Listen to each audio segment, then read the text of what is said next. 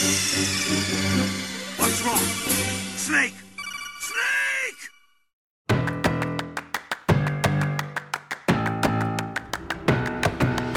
Cześć, słuchajcie 39 odcinka Gorących Krzeseł, najlepszego podcastu o grach komputerowych w Polsce. Jestem Krzysiek Seran, a przy innych mikrofonach w innych miejscach tego samego miasta e, siedzą Rafał Potatyn Siema. i Kamil Borek. Hej, hej. E, I może zacznijmy od e, tego słonia w pokoju, jak mawiał Mikołaj Rej. E, chwilę nas nie było. To się niekoniecznie zmieni. To znaczy, pogodziliśmy się z prawdą, ten podcast będzie kiedy będzie, no więc dzisiaj akurat jest. A kiedy będzie następnym razem, zobaczymy. Jak będziemy mieli coś do powiedzenia i ochotę, żeby to nagrać. Ten rok był taki kiepski, że pomyśleliśmy, że niech chociaż będzie w nim jedna dobra rzecz, niech się zakończy gorącymi krzes- krzesłami. Prawda? E, też, też tak o tym myślę. E, no a skoro to jest koniec roku, to nie mogło być innego tematu niż jakieś takie growe podsumowanie e, 2020. E, dla mnie. Ja się spodziewałem, że to będzie rok spod znaku RPGów, które wsiąknę na mnóstwo godzin, Mhm. A To potem się wampira- zapowiadało. a potem Vampira przełożyli na przyszły rok, a Cyberpunk, a o Cyberpunku później. Jaki jest, każdy widzi. Lub. E, mam, mam wrażenie, że coś jeszcze było. W ogóle wszystko było opóźniane. E, zakładam, że o czymś teraz jeszcze zapominam, że miałem nadzieję na jeszcze jakieś RPGowe doznania, e, które się nie spełniły. Ale nieważne, nieważne jakie gry się nie ukazały, porozmawiajmy o tym, co się ukazało, a przynajmniej w co graliśmy, bo szczerze mówiąc, jak zrobiłem sobie listę, to wyszło mi, że tradycyjnie grałem w więcej gier e, z lat poprzednich niż, niż nowości z tego roku. E, Ja sobie Zresztą, specjalnie wypisałem wszystkie gry, w które, ten, które wyszły w tym roku i w które zagrałem w tym roku. Czekaj, wszystkie gry, które wy... Aha, w sensie, które wyszły, w które grałeś, nie, że wypisałeś sobie Tak, wszystkie nie, gry, nie które wyszły w tym roku. Gier. Nie. Bo Nie Steam dodaje tak sobie, 400 e, tygodniowo mniej więcej. Nie, nie wypisałem sobie nakasami, kugurami, e, no hentai, no jutsu.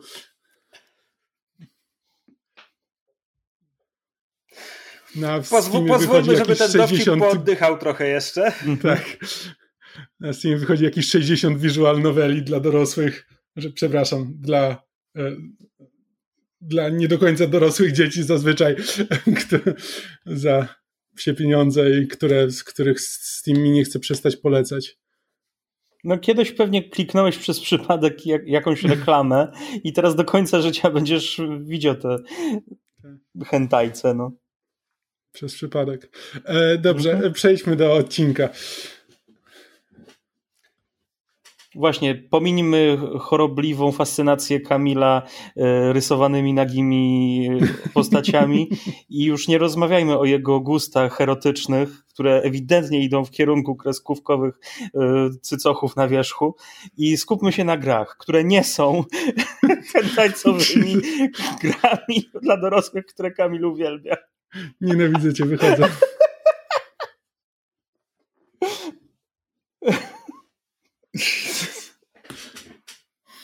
Dobrze, to chcę... What the Golf. Grałem w tym roku w What the Golf. Mhm. Zakładam, że to nie jest po prostu typowy symulator Tigera Woodsa. E, nie, Nie, symulator przeciwnie. Tigera Woodsa byłby hentajcowym kreskówką. Jesus Christ. Dobra, już, już Eee. przestaję. Tak. Um, nie, What the Golf jest e, indie gierką, która sama chyba się reklamuje tym, że to jest jakby gra o golfie dla ludzi, którzy nienawidzą golfa. E, I to po prostu polega na tym, że jest kilka set chyba poziomów, na którym jakby zaczyna się od tego, że jakby tak jak w każdej grze o golfie musisz stuknąć piłeczką do, e, do dołka i to robisz. Ale później w następnym poziomie próbujesz stuknąć piłeczką do, do dołka i wrzucasz, i rzucasz kijem. E, nagle kij wylatuje w stronę dołka. E, a później próbujesz strzelić piłką do dołka i się okazuje, że tak naprawdę strzelasz dołkiem w stronę piłki. E, I Okej, okay, prostu... chyba, chyba, rozumiem zamysł. I, tylko czy w tym jest naprawdę gra, czy to jest tylko seria dowcipów? E, i, znaczy, jest w tym gra, znaczy, hmm, nie, to, to jest w głównej mierze jakby seria dowcipów. Znaczy, hmm, tak i nie, e, bo można w to grać jako w serię dowcipów, bo tak naprawdę każdy poziom ma e, chyba trzy poziomy trudności, jakby i po prostu jak przechodzisz pierwszy, to przechodzisz do następnego poziomu, ale później możesz się do nich wrócić i one mają jakby dodatkowe wyzwania wtedy. Więc jakby można to sobie przejść od tak po prostu, że i po prostu pośmiać się trochę, bo y, jakby to nie jest tylko to, co powiedziałem, jakby tam jest naprawdę dużo inwencji, dużo kreatywności w tym, jak e, twórcy jakby tworzą te poziomy, e, ale e, ale jak ktoś lubi, to może sobie próbować właśnie najróżniejszych, najróżniejszych wyzwań, które przygotowali też dla tych, którzy wolą trochę coś bardziej mechanicznego. To chyba oryginalnie wyszło na, e, na iPhony w ramach Apple Arcade i dopiero jakoś później się ukazało na PC-tach. Ale jest przyjemne, nie jest drogie, więc tak po prostu można sobie od trochę poszczelać. I już. No, Krzysiek. Przejmij pałeczkę. E, znaczy, jeśli wymieniamy wszystko, co, co graliśmy w tym roku, to ja opełzluję trzy gry indie e, za jednym zamachem, bo nie mam dużo do powiedzenia o nich. E, Science of the Sojourner jest. Zawiera w sobie trochę visual novel, a trochę karcianki. Myk polega na tym, to jest. Jesteśmy osobą, która rusza na wyprawę z karawaną, żeby zdobyć rzeczy do sklepu prowadzonego przez naszego przyjaciela, bo małe miasteczko, z którego pochodzimy, upada i, i być może karawana przestanie je odwiedzać, e, więc jakby prosperujący sklep może odwieść ten los. E, to jest wyjście jakby fabularne. A do tego w ogóle wcześniej latami nasza matka jeździła z tą karawaną, więc to jest też podróż śladami matki, która w tym momencie oczywiście już nie żyje, ponieważ to jest gra komputerowa, oczywiście. Więc to jest jakby pomysł fabularny. Jeśli chodzi o pomysł mechaniczny, to jest symulator rozmów, symulator komunikacji. Ta gra próbuje zrobić grę z rozmów, ale nie klikanie drzewka dialogowego, czy nie dialogi z procentowymi rzutami, czy nam wyjdzie, tylko po prostu abstrakcyjną grę z rozmów. Polega to na tym, że masz talię kart, na których są symbole, i sama rozgrywka to jest właściwie domino, to znaczy ktoś do ciebie mówi swoim, nazwijmy to, kodem, swoim idiolektem. E, I czy możesz się dogadać z tą osobą, zależy od tego, czy operujesz tymi samymi symbolami, czy masz je w swojej talii. Po każdej rozmowie możesz wywalić jedną, jedną kartę, żeby przyjąć inną. Jeśli e, i cała rozgrywka składa się z bodajże pięciu takich wypraw trasą karawany. Po każdej wyprawie wracasz do rodzinnego miasteczka, tam też spotykasz się z ludźmi i gadasz. No i jeśli już skojarzyliście, że aha, czyli wymieniam tal, re, karty ze swojej talii, czyli jak wrócę do miasteczka, to będę miał inną talię niż zaczynałem, czyli w pewnym momencie nie będę się już mógł dogadać z moim najlepszym przyjacielem, bo ja zwiedzam świat, a on ciągle tam siedzi. Tak, to jest zasadniczo do tego ta gra dąży. Jest to bardzo fajny pomysł. Nie jestem stuprocentowo przekonany, czy. Znaczy, on się sprawdza w ramach ten, tej gry. Ja po prostu nie jestem przekonany, czy stoi za tym coś więcej niż to, co właśnie powiedziałem. Ale jest to fajne doświadczenie. Gra jest w tym pakiecie, który był sprzedawany na itch w wakacje, ten for racial equality, więc dużo osób to kupiło. Bardzo możliwe, że ma tę grę i nawet o tym nie wie. Nazywa się jeszcze raz Science of the Sojourner. Warto jej poświęcić chwilę. Ma ładne obrazki, piękną muzykę. Jest sympatyczna. Myślę, że w tym pomyśle na jak zrobić grę z dialogów i w tym coś jest, chciałbym to zobaczyć rozbudowane jeszcze, jeszcze bardziej niż w tej grze. E, więc to jest jedno indie, e, o kolejnych będzie już dużo szybciej. The Supper jest e, darmową, klasyczną przygodówką point and click, e, która trwa pół godziny. To jest tak naprawdę jedna długa scena. E, nie chcę mówić o niej za wiele. Gramy kucharką, która ma przygotować kolację dla trójki niezwykłych gości, a jednocześnie jest w tym wszystkim coś bardzo, bardzo niepokojącego od samego początku. Wiadomo, że coś tutaj jest zupełnie inne niż się wydaje w najpierwszej chwili. E, jest to klimatyczne. E, gra składa się dosłownie z trzech lokacji, w sensie, przepraszam, czterech. Są cztery ekrany, przez które można się poruszać, więc pomimo tego, że jest to przygodówka z typowo przygodówkową logiką, spoiler, w pewnym momencie podlewamy krzaczek, żeby wyrosła z niego papryczka chili, ponieważ gra przygodowa. E, w sensie ona wyrasta, wiesz, trzy sekundy później. E, ale ponieważ to są tylko cztery ekrany, więc nawet jeśli zostaniecie sprowadzeni do klikania wszystkim na wszystko, to nie ma wielu kombinacji, więc przejście tego nie zajmuje dużo. To jest dosłownie gra na pół godziny, jest za darmo na Steamie, jest sympatyczna, polecam.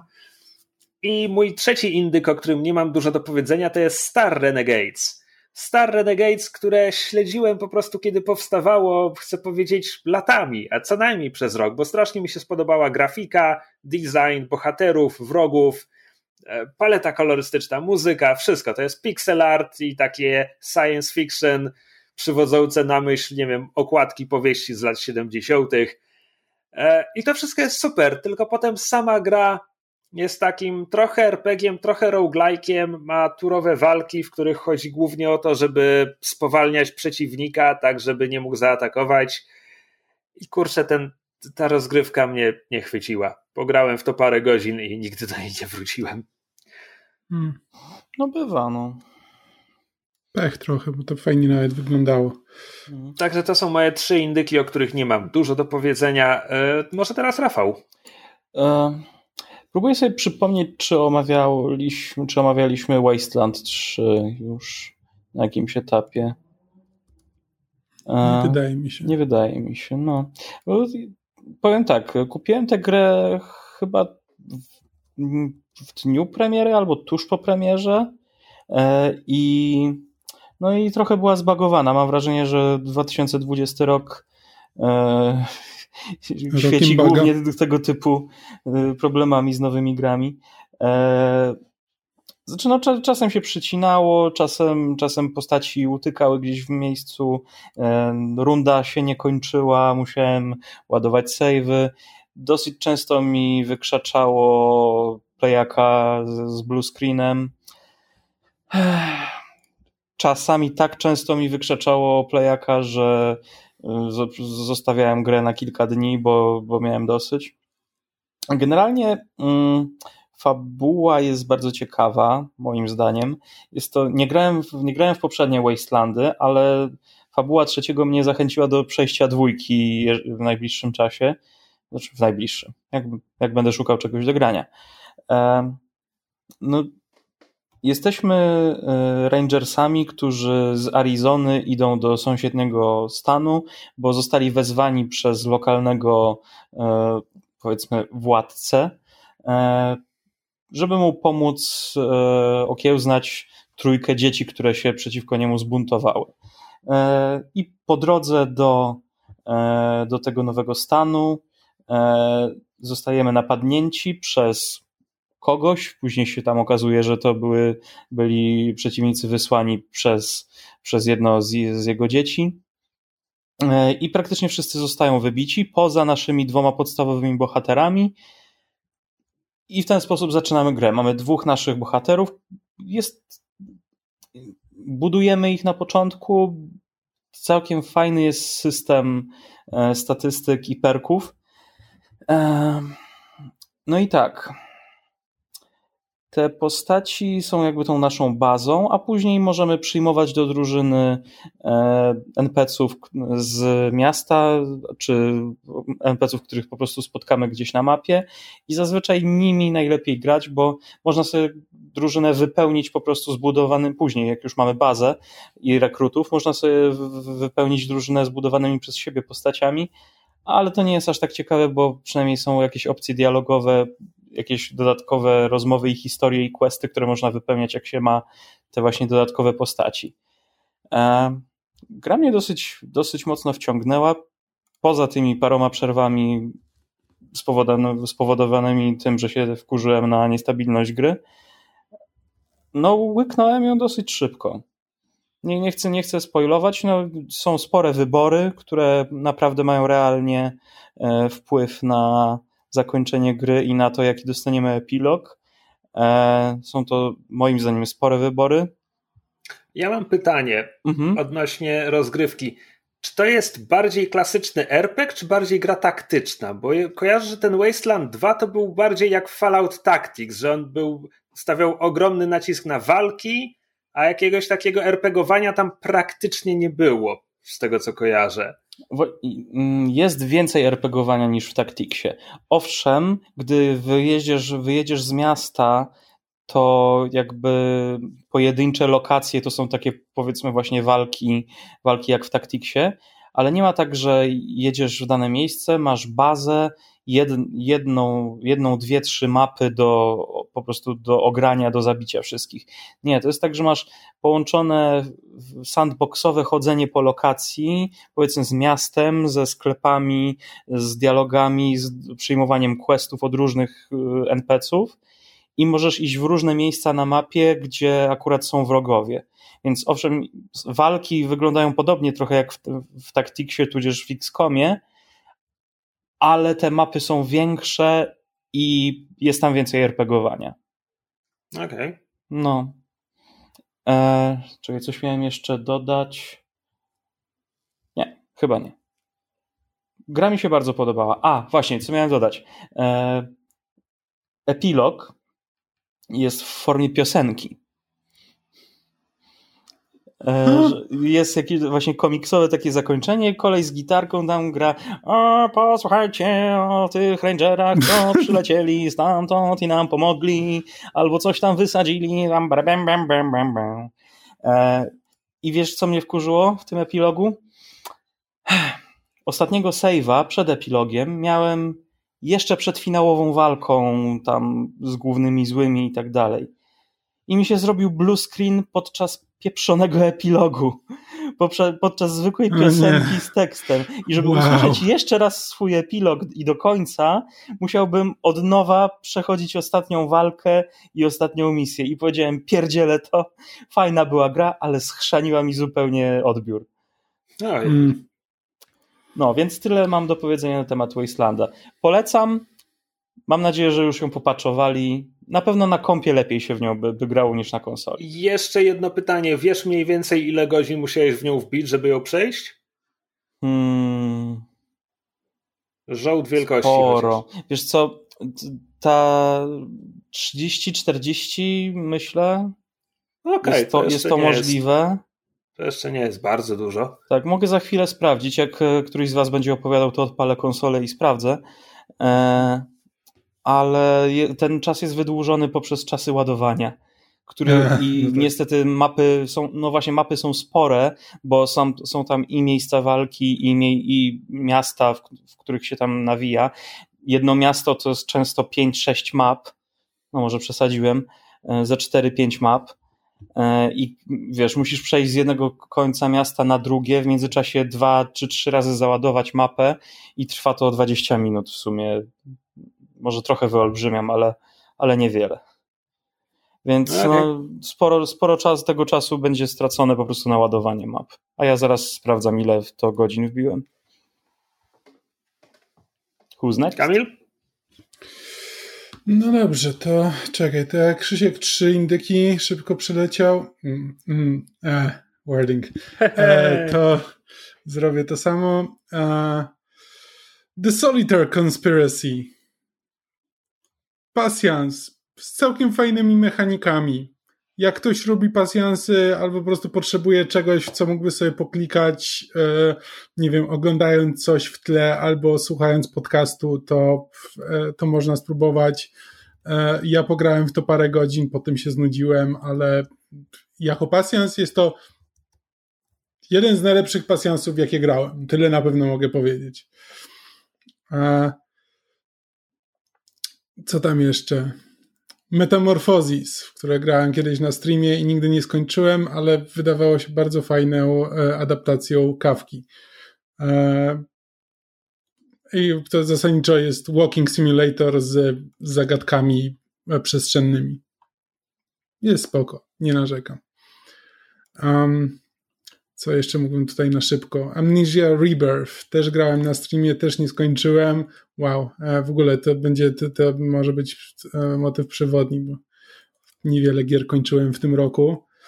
Ale znowu, jak ktoś, znaczy, jak ktoś grał w horrory właśnie pokrewne amnezji, to, e, to myślę, że to wciąż jest jakby to samo i tylko, że zrobione dobrze jeśli kogoś interesuje jakby horror, który nie opiera się jakby, znaczy, który, w którym gracz ma jakby mały wpływ na otoczenie i bardziej chodzi o to, żeby unikać e, przeciwników i, i e, to tak naprawdę Soma jest dużo lepszym, e, który ma też dużo ciekawszą fabułę i znacznie ciekawsze jakby motywy, które się tam przewijają. I z takich, takich typowo indykowych indyków to będzie tyle, ale mogę powiedzieć o Monster Train, bo wiem, Krzysiek, że ty też grałeś Monster Train, więc tutaj mnie wesprzesz e, za chwilę. Albo właściwie przekażę tobie pałeczkę. Może powiedz ty, czym okay. jest Monster Train, bo zrobisz to pewnie lepiej ode mnie.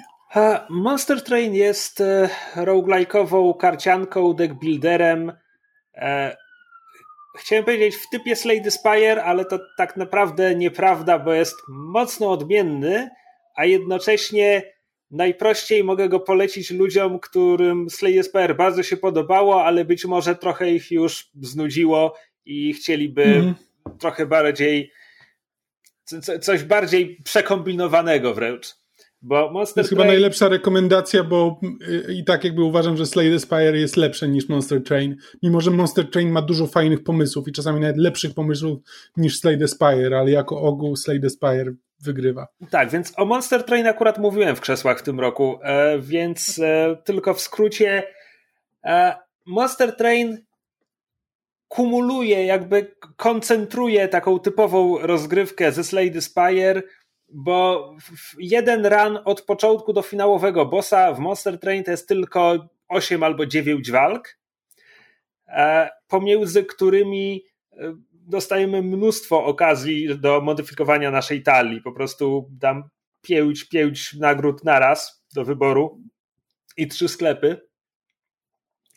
E, a główny myk polega na tym, że jedziemy pociągiem przez zamarznięte piekło podbite przez anioły. Nasz pociąg ma demoniczny wełgielek, który może na nowo rozpalić ognie piekielne, więc anioły chcą zniszczyć nasz pociąg. Co robią, wsiadając na parterze pociągu? Ten pociąg ma piętra, nie pytajcie. I potem kierują się coraz wyżej, a my zagrywamy nasze karty, żeby wystawiać nasze demony na kolejne piętra tego pociągu. I tutaj ta gra oprócz tego, że jest roguelike'ową karcianką deckbuilderem, zamienia się jeszcze trochę w tower defense, bo te potwory wystawiamy je, a one potem tak jakby muszą sobie radzić same, kiedy już przychodzi co do czego, kiedy już przychodzi do walki z aniołami. W związku z czym musimy w każdej walce musimy stworzyć taką maszynkę z naszych potworów, która potem, kiedy już dojdzie do walki, będzie sama sobie radziła, zniesie, zniesie ataki, zabije przeciwników. E, do tego pomiędzy walkami możemy modyfikować nasze karty, ale nie tak jak w Slade Spire, że można raz ulepszyć kartę i kropka, tylko i to jeszcze na z góry przewidziany sposób. Tylko tutaj kolejne sklepy sprzedają modyfikatory do kart, które pozwalają uzyskać absurdalne kombinacje. Znaczy, jeśli mamy potworka, który na przykład atakuje trzy razy, zadając mikroskopijne obrażenie, to możemy mu podbić obrażenia, które będzie zadawał dwudziestokrotnie, a potem jeszcze znaleźć kolejny modyfikator, który da mu jeszcze, że będzie atakował pięć razy, a nie tylko trzy. A potem jeszcze możemy wpaść na e, wydarzenie, które pozwoli nam e, dodać do talii pięć kopii tego Uber potwora. To jest tego typu gra. Ona się pozwala po prostu rozwalić kompletnie w ten sposób. To znaczy stworzyć najbardziej przepakowane monstra, jakie można tylko sobie wyobrazić no bo to jest roguelike. Wygrasz ten run? Super, zaczynasz następny z jakby stalią od zera. Przegrasz ten run? No bywa. Następnym razem przepakuj je bardziej. E, jest strasznie sympatyczne, spełdziłem przy tej grze dużo czasu. E, Slade Spire prawdopodobnie jest lepsza pod względem jakby designu i tak dalej, ale Monster Train też ma mnóstwo uroku. Natomiast jeśli ktoś nigdy nie grał w tego typu grę, nie wiem, czy mogę polecić Monster Train na początek, bo ona jest naprawdę absurdalnie skomplikowana. Przynajmniej mam wrażenie, przynajmniej na mnie zrobiła takie wrażenie. Ja wbiłem mnóstwo czasu w Slade Spire, a i tak potrzebowałem dobrej chwili, żeby ogarnąć, jak właściwie grać w Monster Train, tak żeby wygrać. Tak, to prawda, że jakby ono na początku w ogóle niewiele nie daje takiego poczucia, że jakby wiesz, co robić, żeby wygrać. Jakby mój pierwszy run e, był jakby absolutnie, znaczy udało mi się go nawet wygrać ostatecznie, tylko że po prostu miałem takie w ogóle poczucie, że e, coś, coś robię nie tak, szczególnie, że na początku nie załapałem jak działają nawet potworki, czy jak wystawię potwora, to, to mogę go później zabrać stamtąd, przestawić go gdzieś, czy on już tam będzie, czy jeśli zginie, to czy on mi wraca do talii, czy nie wraca. Miałem takie problemy z, podstawowy, z podstawową Odpowiedź mechaniką. na wszystkie te pytania brzmi nie. Tak, e, więc właśnie to są takie rzeczy, które jak się zorientowałem, to miałem tak, ojej, to popełniłem tutaj parę błędów, ale właśnie ponieważ ta gra działa tak, że jakby jeśli dobrze E, dobrze później dobierzesz bonusy, to możesz e, wykonywać monstrualne komba, to jakby to, to udało mi się przejść, szczególnie, że gra ma jakby jakąś dziwną ilość poziomów trudności. E, tam są jakby takie bardzo, bardzo zaawansowane możliwości skalowania tego. Więc jakby na tym takim podstawowym wciąż wybacza sporo błędów. E, ale jest, ale jest przyjemna. Właśnie tak, z jednej strony wymaga właśnie trochę pogłówkowania, a z drugiej strony jakby już na pewnym etapie możesz trochę przejść na autopilota i tak po prostu patrzeć jak się tłuką i jak cyferki latają po ekranie. Tak. No, ja, sobie, ja sobie oznaczyłem parę gier, e, że tak powiem, które są moimi grami roku, bo jednej nie potrafię wskazać e, i Monster Train jest jedną z nich. Zdecydowanie. Hmm. Ja jeszcze, może tylko chciałbym ten, bo to też na szybko, Super Hot Mind Control Delete, które jakby wyszło niby w tym roku, to jest, to jest taki, no to nie jest dodatek do Super Hot, tylko standalone. E, Super Hot to była ta gra, w której e, czas rusza się tylko wtedy, kiedy ty się ruszasz. E, I w sensie to jest strzelanin, taka strzelanina, która jest trochę jakby łamigłówką, E, bo ponieważ czas się nie rusza, więc masz chwilę na zastanowienie się, a później musisz wykonać szybki ruch, e, wypalić, zatrzymać się i zastanowić, jaki będzie twój następny ruch. I to jest bardzo satysfakcjonujące. E, Mind Control Delete to jest próba zrobienia super hota roguelike'a, czyli po prostu jakby są poziomy nie są znaczy poziomy są predefiniowane i tylko losuje ci na jakim poziomie akurat trafisz, ale te poziomy zawsze wyglądają tak samo, ale jakby losuje ci, gdzie się pojawią przeciwnicy, ile tych przeciwników się pojawi, w jakich kombinacjach i tak dalej, i jakie będziesz, jaką broń będziesz mieć do dyspozycji, a przy tym możesz zdobywać upgrade'y, jakby dodatkowe moce i tego typu rzeczy. E, I znowu, super hot, jeśli ktoś grał, to Mind Control Delete jest całkiem fajną e, próbą jakby przedłużenia e, tej, tej rozgrywki, no bo jednak super hot się kończył jakby w pewnym momencie. E, można było powtarzać te poziomy, ile jeśli ktoś chciał, ale w zasadzie nie było takiego powodu, a Mind Control Delete no to jakby jest roguelike'iem, więc można w niego grać bardzo, bardzo długo więc dla tych, którzy nie, e, dla tych, którzy grali w Super Hot, Mind Control Delete jest spoko, a dla tych, którzy nie grali, to, to znowu powinni najpierw zagrać Super Hota, bo jest po prostu lepszą grą, która jest jakby lepiej e, lepiej zaprojektowana. Nie potrafię sprawdzić czasu gry. Okej, okay. to dawaj kolejną grę. Kolejna gra podobna do tej, e, Pathfinder, tylko że ona była z 2018 czy 2019. E, no to, to, to bez rozwodzenia się, jeśli. Tak, bo zagrałem w nią zamiast e, w Baldura, bo rozczarowałem się bardzo, że Baldura nie ma na PS4. Jakoś, jakoś zakładałem, że na PS4 też wyjdzie Baldur. No, więc się już, bardzo rozczarowałem. Mówisz o trójce, rozumiem. Tak, tak. No jak się... wyjdzie z Early Access, to będzie pewnie. Hmm, bardzo, bardzo się rozczarowałem e, i postanowiłem czymś sobie to zastąpić, e, więc odpaliłem Poczekaj, Pathfindera. Drobna dygresja, drobna dygresja, ale gdyby wyszedł, to grałbyś teraz w ten Early Access, w momencie, gdy to jest tylko jeden akt gry i w momencie, gdy kolejne wersje jak wprowadzają, to na przykład y, zeruje ci cały progres i musisz zaczynać od nowa, bo, bo tak to w tym momencie wygląda. Granie w Baldura trzeciego pewnie, teraz. Pewnie, pewnie bym grał. Serio? No. Okay. Nie rozumiem ludzi. No.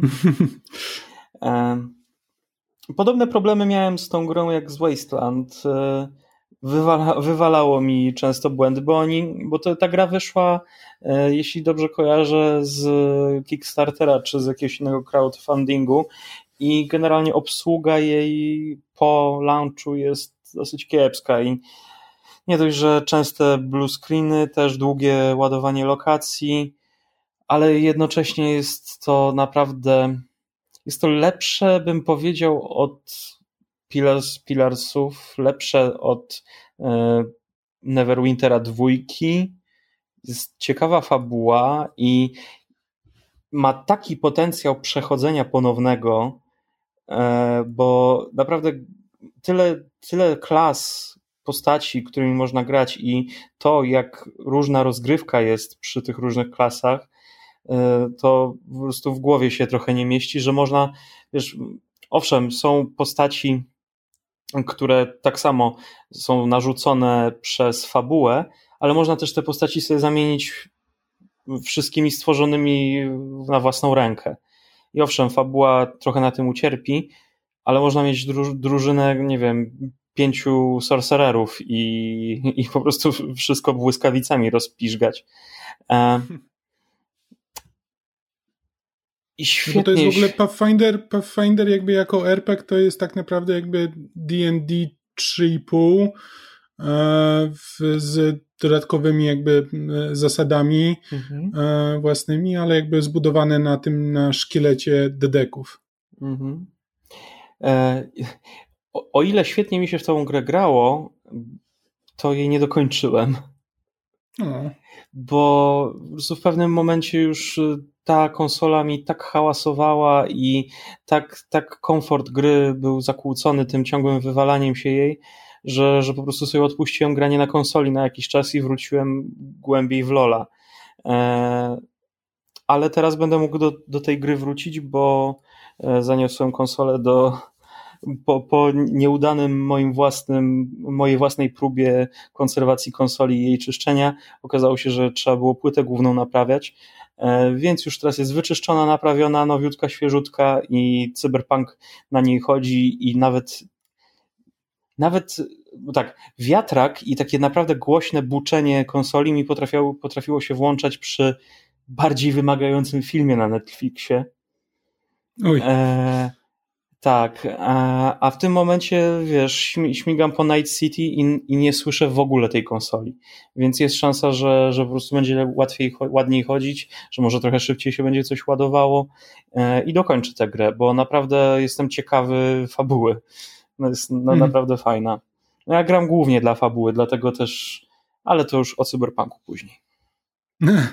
Polecam Pathfindera, jeżeli ktoś naprawdę ma ochotę na takiego staromodnego RPG, gdzie chodzisz paroosobową drużyną, masz e, nagłe ataki na mapie, musisz latać po mapie, a do tego dochodzi zarządzanie królestwem, e, gdzie ciągle wyskakują jakieś wydarzenia, musisz e, wszystkie postaci, które masz w drużynie i też poza drużyną, te wszystkie postaci są gdzieś w mieście i możesz im przypisywać rolę do zarządzania miastem, typu ten, ten zajmuje się strażą, ten skarbem, ten magią, ten dyplomacją, ten różnymi innymi rzeczami. Jest, jest w sumie 10 pozycji do wypełnienia tymi postaciami i każda z tych postaci ma in, inne cele, ten, ten generał, on będzie bardziej się przejmował żołnierzami, ten będzie się bardziej przejmował e, tym, żeby szybko i brutalnie każdy, każdy problem rozwiązać. E, to się wiąże też właśnie z rozmowami z nimi, to w którym, w którym kierunku pójdzie ich szkolenie, co z tego będzie miało, miało, co z tego będzie miał twój kraj, czy tam księstwo, czy jakkolwiek to jest nazwane. No samo to zarządzanie miastami, bo jeszcze tak, podbijasz kolejne, e, zarządzając swoimi włościami, podbijasz kolejne jakby, nie wiem, nazwałbym to województwa. W każdym województwie musisz wybudować kolejne miasto, w tym mieście budujesz kolejne budynki, które ci dają statystyki dla twojego państwa. Na podstawie tych statystyk możesz rozbudowywać je inaczej, dostajesz dodatkowe wydarzenia, do których musisz przypisać e, tych generałów, którzy mają jakąś szansę na powodzenie, czy, czy na przykład, nie wiem, powstanie chłopstwa musisz zdusić i wyślesz tam albo generała, albo swojego e, pomocnika takiego politycznego, który postara się Brzmi jakoś przekupić wszystkich. strasznie przytłaczająco. Na początku było. Na początku było i muszę przyznać, że musiałem to sobie zmienić na easy, bo po prostu całe państwo mi zaczęło się sypać nagle i miałem rewoltę na lewo i prawo. Wiesz, ja sobie wychodzę i idę tam do jakiegoś lochu, tam walczyć z pająkami, wracam, a tu po prostu wszystko w ruinie. No nic dziwnego, że poddani się buntują, jak władca się szlaja po podziemiach zamiast rządzić. No tak, ale, gra, jakbym, ale jakbym nie jest, poszedł. Gra jest nie 2017, poszedł... lećmy dalej. Dobra. Mm. Polecam. No dobra, to ja znowu, ponieważ chyba ja mam najdłuższą listę tutaj, jeszcze póki co lecę po tych mniejszych tytułach, e, to Blasphemous. Dwuwymiarowe, dwuwymiarowa, souls-like'owa e, Castlevania, e, która jest zaskakująco dobra. Ma niesamowity klimat, jest stworzony przez, hiszpański, przez hiszpańskich deweloperów i wszystko jest utrzymane w klimatach katolickiego chrześcijaństwa, w sensie takich e, tylko e, tylko wykręcone jakby w, jak sama nazwa wskazuje, e, w najróżniejsze bluźniercze sposoby, ale bez jakiegoś epatowania flakami i krwią, bardziej jakby w taki interesujący sposób. E, I jakby jeśli ktoś lubi wszelkiej maści Castlevanie, a jeszcze gdyby w dodatku lubił e, Soulsy, to, to absolutnie polecam. E, tak naprawdę wystarczy lubić jedno albo drugie, żeby się w tej grze dobrze bawić, moim zdaniem, ale oba, oba pomagają. I poza tym jest jeszcze Doom Eternal, to jak już w bluźnierszych klimatach pozostajemy, które, na które czekałem, bo bardzo lubię Duma z 2016 roku, który był jakby remake'iem i naprawdę zrobił kawał dobrej roboty, żeby przełożyć taką oldschoolową rozgrywkę, w której jakby nie masz przybliżania prawym przyciskiem i strzelania, tylko po prostu strzelasz cały czas, nie ma przeładowywania, e, jakby są setki potworów, które trzeba, e, z którymi trzeba sobie jakoś poradzić. E, jakby przełożył to takie uczucie arcade'owych strzela, strzelanin z, z początku wieku na jakby na to na to, do czego przyzwyczajeni są gracze współcześnie bardziej, no to Doom Eternal po prostu próbował zrobić to samo, ale więcej. No i to nie zawsze jest jakby sposób na sukces, bo to po prostu znaczy, że nagle jakby ten bardzo elegancki jakby sposób, jakby ten Doom został jakby wydystylowany do jakby swojej najczystszej postaci, to nagle jak się jeszcze do tego próbuje dorzucać najróżniejsze rzeczy, to, to po prostu traci smak. Więc e, Doom Eternal naprawdę, jeśli ktoś ograł oryginalnego Duma setki razy i po prostu już nie ma, potrzebuje czegoś więcej, to Doom Eternal jest spoko, ale tak znowu, sam sobie, znowu powiem to chyba po raz trzeci w tym podcaście. Jeśli ktoś nie grał w oryginalnego Duma, to powinien najpierw zagrać w Duma. W sensie tego z 2016. E, tak, nie, tego oryginalnego, oryginalnego w oryginalnego Duma zaskakująco też warto, ponieważ jakby w Doom, najlepsza część Doom Eternal jest taka, że e, na statku, który jest jakby twoją bazą pomiędzy poziomami, jest komputer, na którym możesz zagrać w oryginalnego Duma. I spędziłem grając tego oryginalnego Ojej. Duma chyba tyle samo czasu, co grając w Doom Eternal, bo bo ja nigdy jako za młodu tak naprawdę nie grałem w oryginalnego Duma. A się okazuje, że to wciąż że jest dobra gra. Duma, więc włożyliśmy Duma w twojego Duma. Dokładnie tak, Ej, ale to, to jest dobre, znaczy, do, byłem to jest autentycznie zaskoczony, że to jest dobre. Jeszcze raz, Rafał? To jest dobre zagranie z ich strony. E, Tak. ale powiem ci, tak jak próbuję sobie pomyśleć, że ja miałem du Duma tego oryginalnego, ale nigdy go nie przeszedłem, bo byłem za cienki bolek. Po prostu, po prostu umierałem i nie, nie mogłem przejść dalej niż 2-3 levele. Wiesz co, tak naprawdę, y, bo ja nawet próbowałem później, że po cholerę ja będę odpalał Doom Eternal tylko po to, żeby odpalić, żeby załadował mi się statek i żebym zszedł pod pokład i odpalił komputer tam na pokładzie swojego statku i wtedy zagrał w Duma. Mam chyba na Gogu w, jakimś, w jakiejś promocji, gdzieś kiedyś sobie ściągnąłem tego Duma, więc sobie go zainstaluję po prostu i tam zacznę grać. Ale jak się okazuje, w tym Doom Eternal jest od razu zaimplementowany mouse look i to taki, wiesz, taki sensowny, że po prostu gra się w to tak jak we współczesną strzelankę byś grał, Mhm. ale grasz w oryginalnego Duma. I to naprawdę dużo ułatwia. E. Więc tak, Doom Eternal polecam ze względu na Duma. Oryginalnego i Duma 2016. Mm. Okej. E, Ja się jeszcze będę trzymał segmentu indie. E, O, to w sumie, wow, to będą dwa zdania. E, Spelanki 2. Jest jak Spelanki, tylko bardziej jest super. E, Z Kamilem Hmm. dopiero co streamowaliśmy przez prawie dwie godziny e, podwójną rozgrywkę na, na Twitchu Kamila. Możecie to zobaczyć, jak krzyczę, kiedy umieram i jest super. To jest fantastyczna gra. U, Krzysiek Znaczy, umierający, chętnie popatrzę. Znaczy, to, jest, to jest fantastyczny chaos. Znaczy, tak, jakby co to twitch.tv ukośnik kamborek. To tam można jakby zobaczyć, tam jeszcze będzie to wisiało. E, ale to jest właśnie taki fantastyczny. To, to jest zaskakująco, jakby właśnie grając, grając z tobą dużo, dużo lepiej się bawiłem niż kiedy próbowałem w to grać samemu. Szczególnie, że tak naprawdę no, grając z kimś ta gra staje się łatwiejsza, no bo jakby możesz umrzeć i jest szansa, że ktoś cię wskrzesi, a później jeśli ta osoba znowu umrze, to ty ją możesz skrzesić z powrotem i tak dalej, i tak dalej. Tak, ale, ale jednocześnie na ekranie jest ten dodatkowy agent chaosu, co naprawdę utrudnia czasem.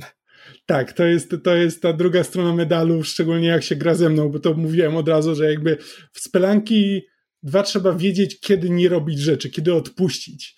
E, Kiedy jakby, że widzisz, że tam gdzieś po drugiej stronie tego dołu, w którym są trzy węże i które wydaje ci się, że jak zeskoczysz na te węże, to możesz zeskoczyć na pierwszego węża, potem skoczysz na drugiego węża i na trzeciego i to nie powinno być takie trudne.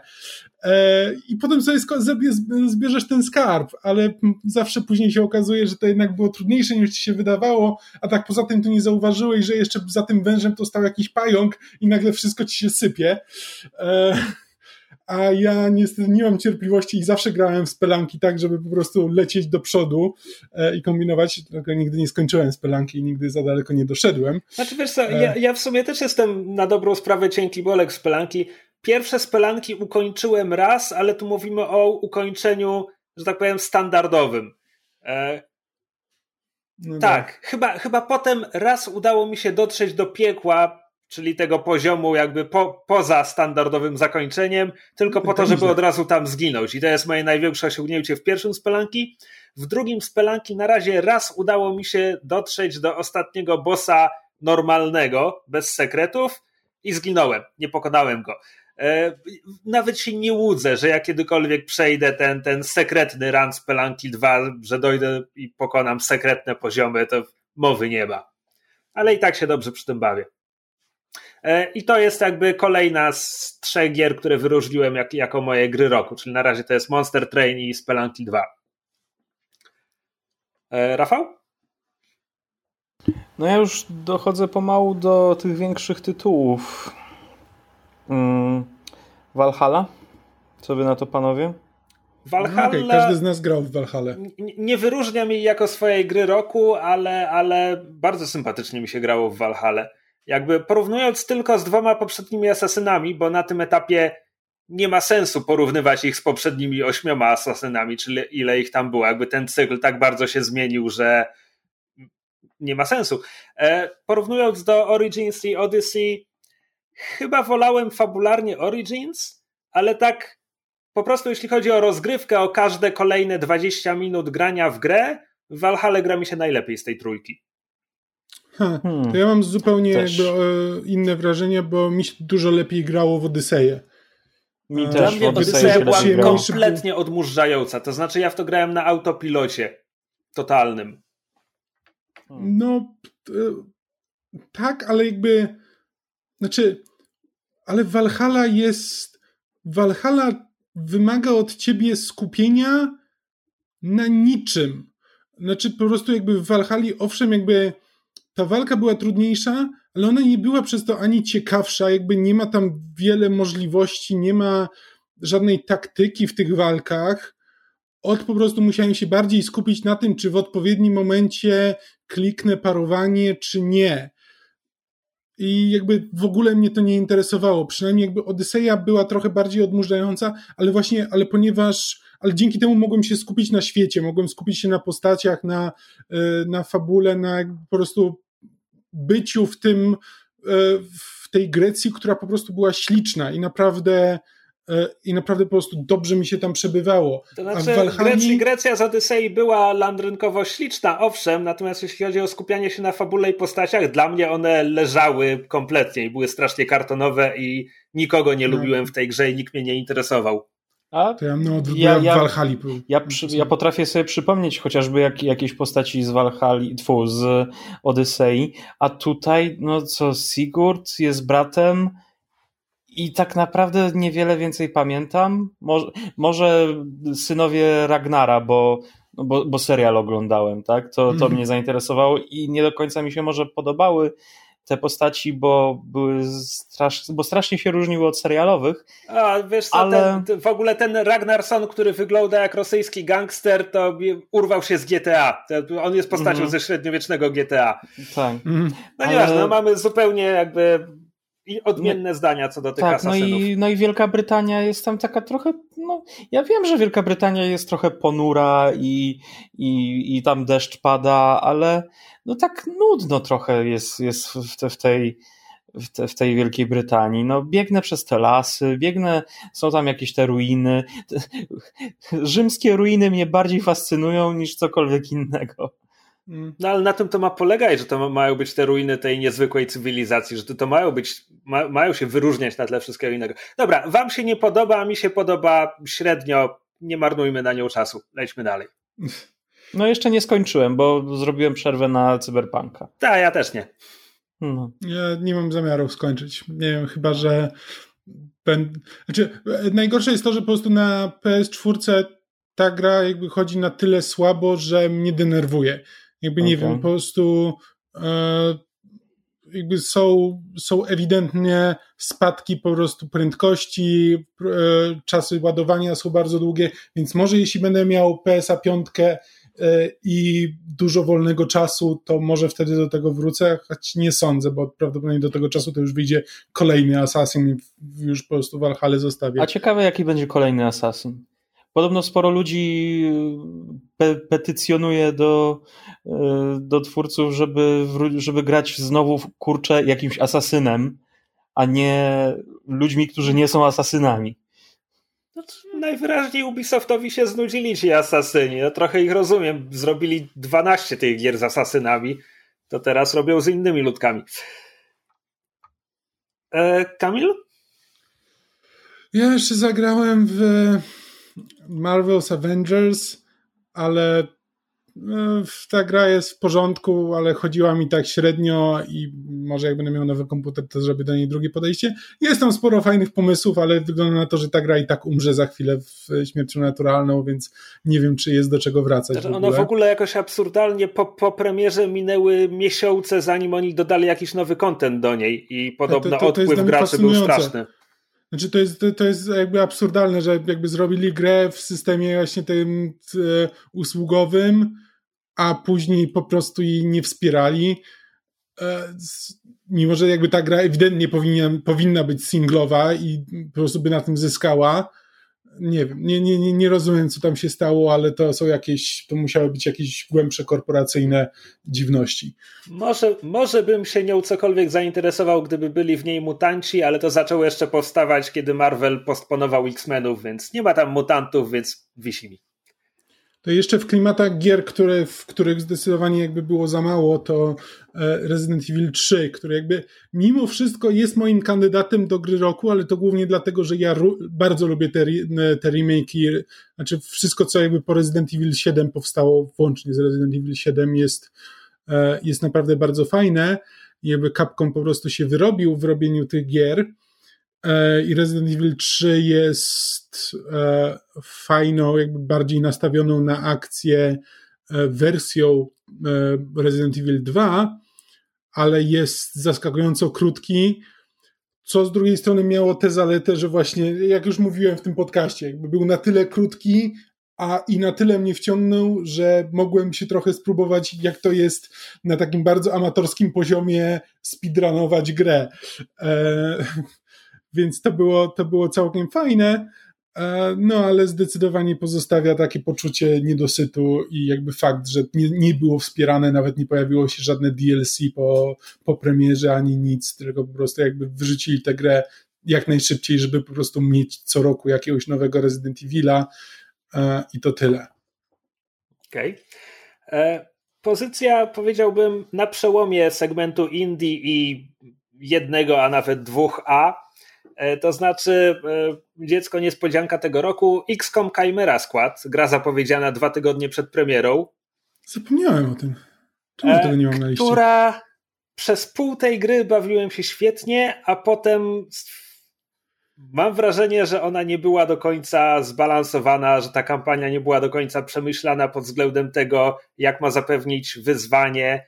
Jakby XCOMy zawsze mają problem z tą krzywą, że jakby są trudne i tylko, że robią się, robią się łatwiejsze w miarę jak nie przegrywasz, w związku z czym jeśli przegrywasz, to cię tylko bardziej każą, tylko że w Chimera skład nie da się przegrać, bo tak naprawdę jak ktoś ci zginie, to musisz powtórzyć misję, w sensie jak tak zginie, zginie, bo tak to tylko zostają ranni i wracają po chwili, w związku z czym nawet, nawet ta gra mnie nie karała, kiedy przegrywałem, bo po prostu wtedy musiałem powtórzyć misję, w związku z czym było tylko łatwiej i łatwiej. Mm. I ostatecznie, ujmy to tak, gdyby to była pełnowymiarowa produkcja za pełną cenę, e, Chimera Skład byłoby w kolumnie moich rozczarowań tego roku, ale to była mniejsza gra od typowego XCOMa, dużo, dużo tańsza, bo przecież przez pierwszy tydzień po premierze ona była za 40 zł, e, w związku z czym nie mogę być rozczarowany czymś, co było tak tanie i sympatyczne, bo mimo wszystko bawiłem się przy tym dobrze. Pomimo tego, że widzę wady tej gry. XCOM Chimera skład, jak XCOM, tylko mały i prostszy, co niekoniecznie jest wadą, bo ja, jak mówiłem w tym podcaście wielokrotnie, odbiłem się od XCOMa 2 wielokrotnie, nie przeszedłem kampanii ani razu, Chimera składu kończyłem. Jako prototyp to to jest bardzo fajny jakby eksperyment i podoba mi się to, że właśnie to zarządzanie zostało sprowadzone do może nie do minimum, ale do takiego jakby podstawowego minimum viable product, znaczy jakby takiej podstawy, co jest potrzebne, żeby XCOM był wciąż XCOMem, e, ale żeby nie trzeba było co chwila jakby się zastanawiać, jakby co chwila klikać w e, jakichś liczników i w, e, i co chwila być, żeby gra co chwila przerywała z jakimś nowym komunikatem, którym się trzeba zająć i żebyś nie mógł się skupić na tym, co właściwie próbujesz zrobić. E, więc jakby to, to naprawdę jest fajny eksperyment i moim zdaniem udany. I sam fakt tego, że mamy jeden konkretny skład, do którego jakby jesteśmy przywiązani, no i jakby ja wiem, że wielu fanom XCOMa nie podobało się to, że te postaci nie mogą zginąć, ale dla mnie przynajmniej jakby to powodowało, że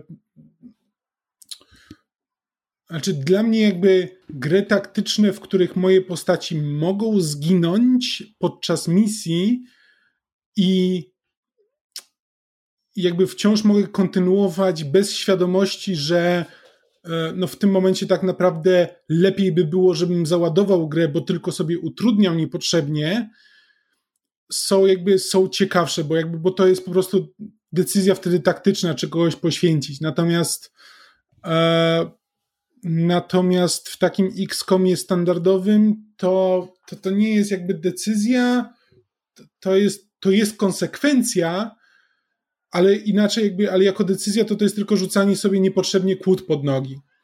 No nie wiem, no jakby jeśli ktoś lubi na Ironmana grać, no to jakby to jest co innego, jakby rozumiem, że wtedy, wtedy w tych grach go interesuje coś zupełnie innego, ale um, ja jakby w tym, w tej, w tym Chimera skład znalazłem coś, czego mi brakowało w oryginalnych X-komach. Ja miałem nadzieję, że uda mi się w Chimerę zagrać, ale no niestety laptop mi się zapiekał, a, a, Chimerę, a Chimerę nie ma na, e, na PS-ie, więc no, dziwne. mi pozostał do omówienia tak naprawdę Cyberpunk. No dobra, weźmy się za to. Na którym levelu jesteś? A, nie wiem, nie myślę tak o ludziach. E,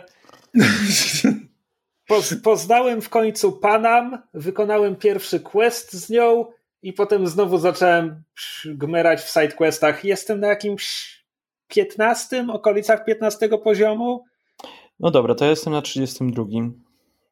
Czy ty już ukończyłeś tę grę?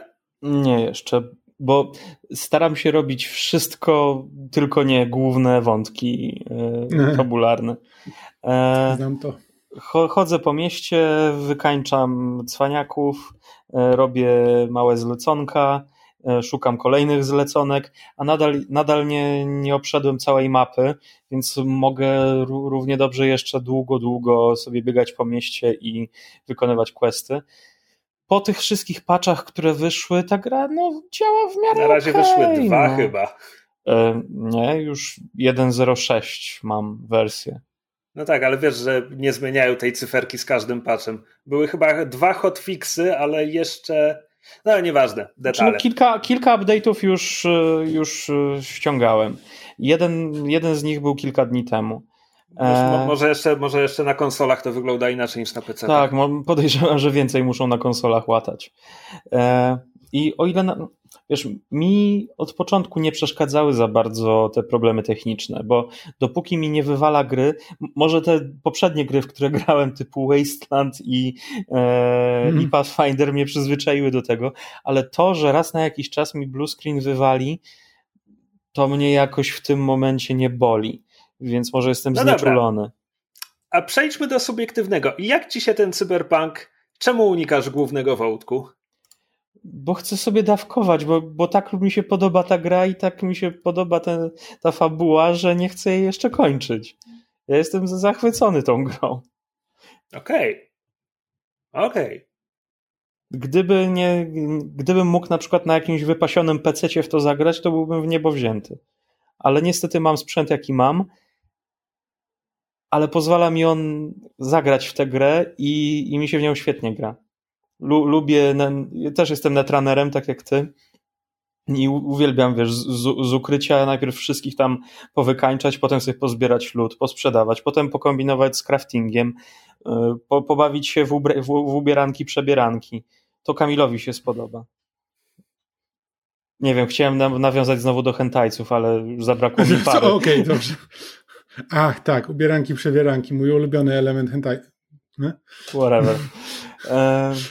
no ja nie będę ukrywał, że jestem ogólnie chyba jednak rozczarowany tą grą. No bo ty jesteś krytykiem. Ty masz znaczy, sobie duszę krytyka, czy to filmowego, czy znaczy, growego, słuchaj, czy... Uj, ujmę to tak, ujmę to tak. Ja liczyłem, że ta gra zastąpi mi fakt, że nie ma nowych Deus Exów to jest gra, w którą na upartego da się grać jak w Deus Exy, skradając, hakując, tylko że te systemy nie do końca działają, te poziomy, znaczy poziomy, sceneria rzadko kiedy jest zaprojektowana tak, żeby naprawdę to skradanie się miało tam sens. W ogóle systemy skradania się, jeśli nie ukryjesz ciała w zbiorniku na ukrywanie ciała, a akurat nie masz pod ręką lodówki, jeśli tak jak w każdej normalnej skradance zaciągniesz tylko ciało w jakiś kołcik, komputer i tak pół minuty później ci powie, że zostało znalezione. Ja pewnie nie śledziłem NPC'a, żeby przyłapać jakby grę na gorącym uczynku, że tak naprawdę nikt nie podszedł i tak naprawdę nikt nie znalazł tego ciała, ale jestem przekonany, że tak się dzieje. Bo to jakby nie ma dla mnie sensu, kiedy dostaję alert, że bo znaleźli, szukają mnie. Ja po prostu nikogo nie, wy, nie wykańczam z ukrycia, z podejścia. Ja po prostu gdzieś się ukrywam, przejmuję kamery i wszystkich wypalam, zarażam i, i, i tak to robię. Nie, nie, nie, nie, nie boli mnie to, czy ktoś znajdzie ciało, czy nie, bo jeżeli znajdzie ciało, super, znalazł ciało, jest w zasięgu kamery i mogę go wykończyć. Okej, okay, dobra. E, zmierzam do czego innego. Jakby szukałem, są momenty, kiedy, e, kiedy kawałek tej gry wygląda tak, jak chcę, żeby on wyglądał. Kiedy e, mam problem z przeciwnikami, znajduję jakieś w miarę kreatywne rozwiązanie tego, pokonuję ich, jest spoko. Ale jakby walki albo są zdecydowanie za proste, albo są zdecydowanie za trudne, bo level gating w tej grze jest jakiś absurdalny. To znaczy, w momencie, gdy gram na hardzie, czyli oczko wyżej od normalnego i wykonuję questa, który jest dla poziomu niższego niż teraz mam i mogę po prostu przejść przez pomieszczenie i pięciu bandziorów pruje do mnie z karabinów, a mi nic się nie dzieje, bo poziomy, no to nie wiem, to jest, to jest dziwne. To jest po prostu dziwne. Ja, e... ja nigdy nie dopuściłem, żeby ktoś do mnie pruł, więc. No to spróbuj, spróbuj wyjść za osłony, bo czasami możesz się zdziwić, jak bardzo nic ci się nie dzieje. Jak bardzo okay. przeciwnicy nic ci nie robią. To jest naprawdę okay, dziwne. Mi, mi się rzadko zdarza mieć misję jakąś poniżej mojego poziomu, bo po prostu wszystkie wykończyłem na, na, na, na tylko etapie zobacz, moderate. Tylko, tylko misje, no właśnie, bo misje są określone jako moderate albo hard, albo coś tam, co jest Very zaznaczone hard. na szaro i jest poniżej moderate. Y, to, o czym ja mówię, że gangsterzy do mnie pruli nic mi się nie działo, to miało być moderate. Okay. To miał być średni poziom trudności. Jakby y, to, to co, o czym mówię, że chcę, żeby ta gra była Deus Exem. Y, miałem misję, w której to był, to był sidequest, w której miałem wykończyć jakiegoś typa w jego warsztacie. Ten warsztat był obstawiony przez gangsterów. No i oczywiście mogłem wejść głównymi drzwiami, ale ja wszedłem w, zau w zaułek i zobaczyłem, o tutaj jest e, kontener na śmieci. Jak się wespnę na ten kontener, to z niego mogę przeskoczyć na, na klimatyzację, która jest na ścianie, a z klimatyzacji mogę wskoczyć na, e, na dach, a w dachu jest okienko. O, ja przez to okienko mogę tam wskoczyć na pierwszy poziom tego warsztatu, znaczy na piętro, i z tego pierwszego piętra mogę znaleźć tego typa i odpalam go ze snajperki, wykonałem misję, teraz wystarczy, że ucieknę i to jest super, odwracam się, a nie, teraz jak tu zeskoczyłem, to to okno jest za wysoko i ja tam nie doskoczę, a szkoda, bo gdybym wyskoczył, to byłoby super, to byłaby tak, jak ja chcę, żeby ta gra wyglądała, ale czym... jest za wysoko, więc teraz muszę się strzelać długo i nudno, trudno. Po czym stwierdziłem, a, ale gdybym miał cybernogi, które dają mi podwójny no skok, to tutaj bym wyskoczył. W związku z czym uciułałem kasę, kupiłem cybernogi i od tego momentu nie znalazłem ani jednej sytuacji, w której te cybernogi by mi się znowu przydały. A nie przeskakujesz przez jezdnię, żeby cię samochody nie przejechały?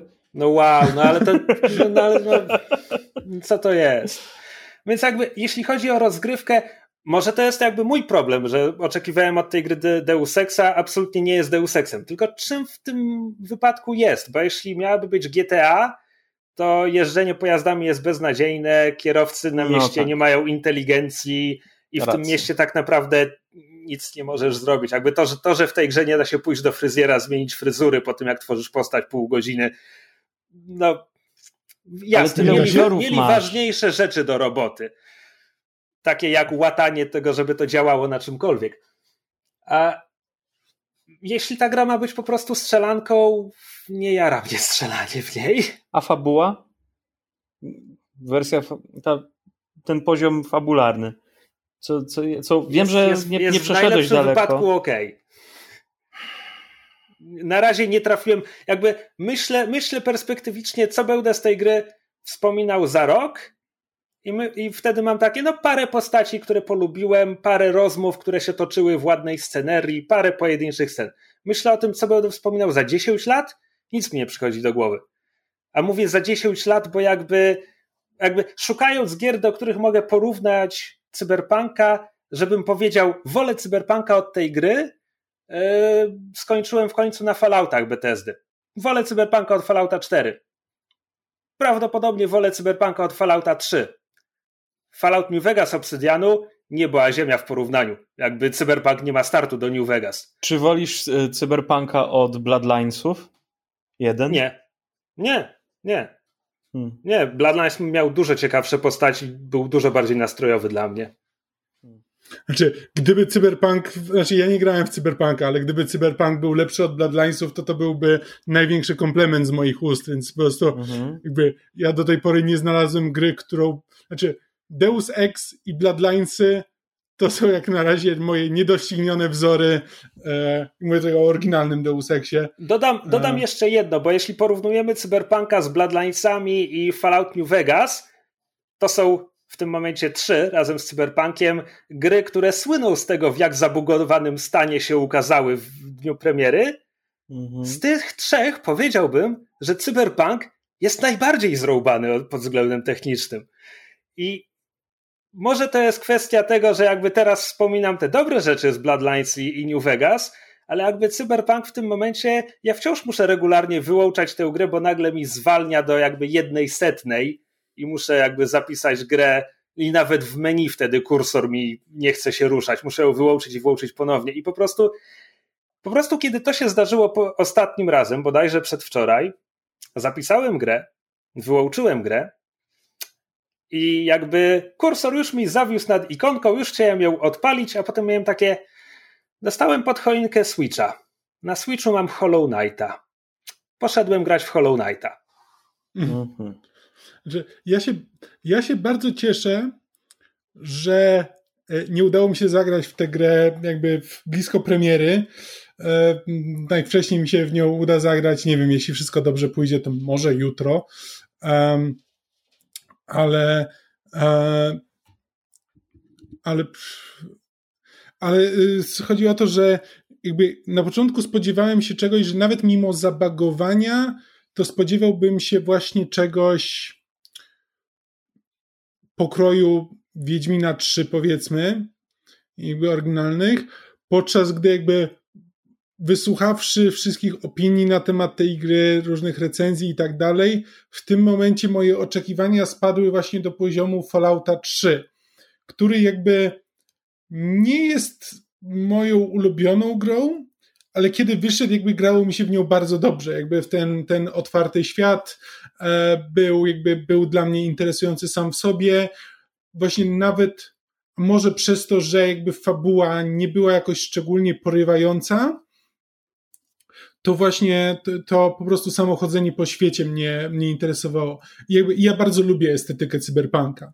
E, nawet jeśli jakby słuchałem wiele o tym, że jakby sam cyberpunk nie ma wiele do powiedzenia jakby w tematach, które porusza, e, jakby wiele, przynajmniej wiele nowego może, e, to po prostu to lubię, lubię tę estetykę i jakby wykonana na takim poziomie jest w sumie czymś w miarę rzadkim.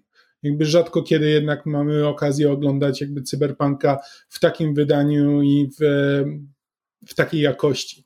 Więc jakby obniżyłem sobie oczekiwania, jakby no i zobaczymy, zagram w to w najbliższej przyszłości, zobaczymy jak to przeżyje tę konfrontację z obniżonymi oczekiwaniami. Ja Znaczy, myślę, ja, ja że chcę masz... tylko dodać, Mhm. jakby pomimo tego wszystkiego, co dotąd powiedziałem, już wbiłem w tę grę 25-30 godzin i zamierzam w nią grać dalej. Jakby, bo raz na jakiś czas mam tam moment, kiedy, ta, kiedy systemy się ułożą i zadziałają i znajduję w tej grze tego, czego po niej oczekiwałem od, pod względem rozgrywki.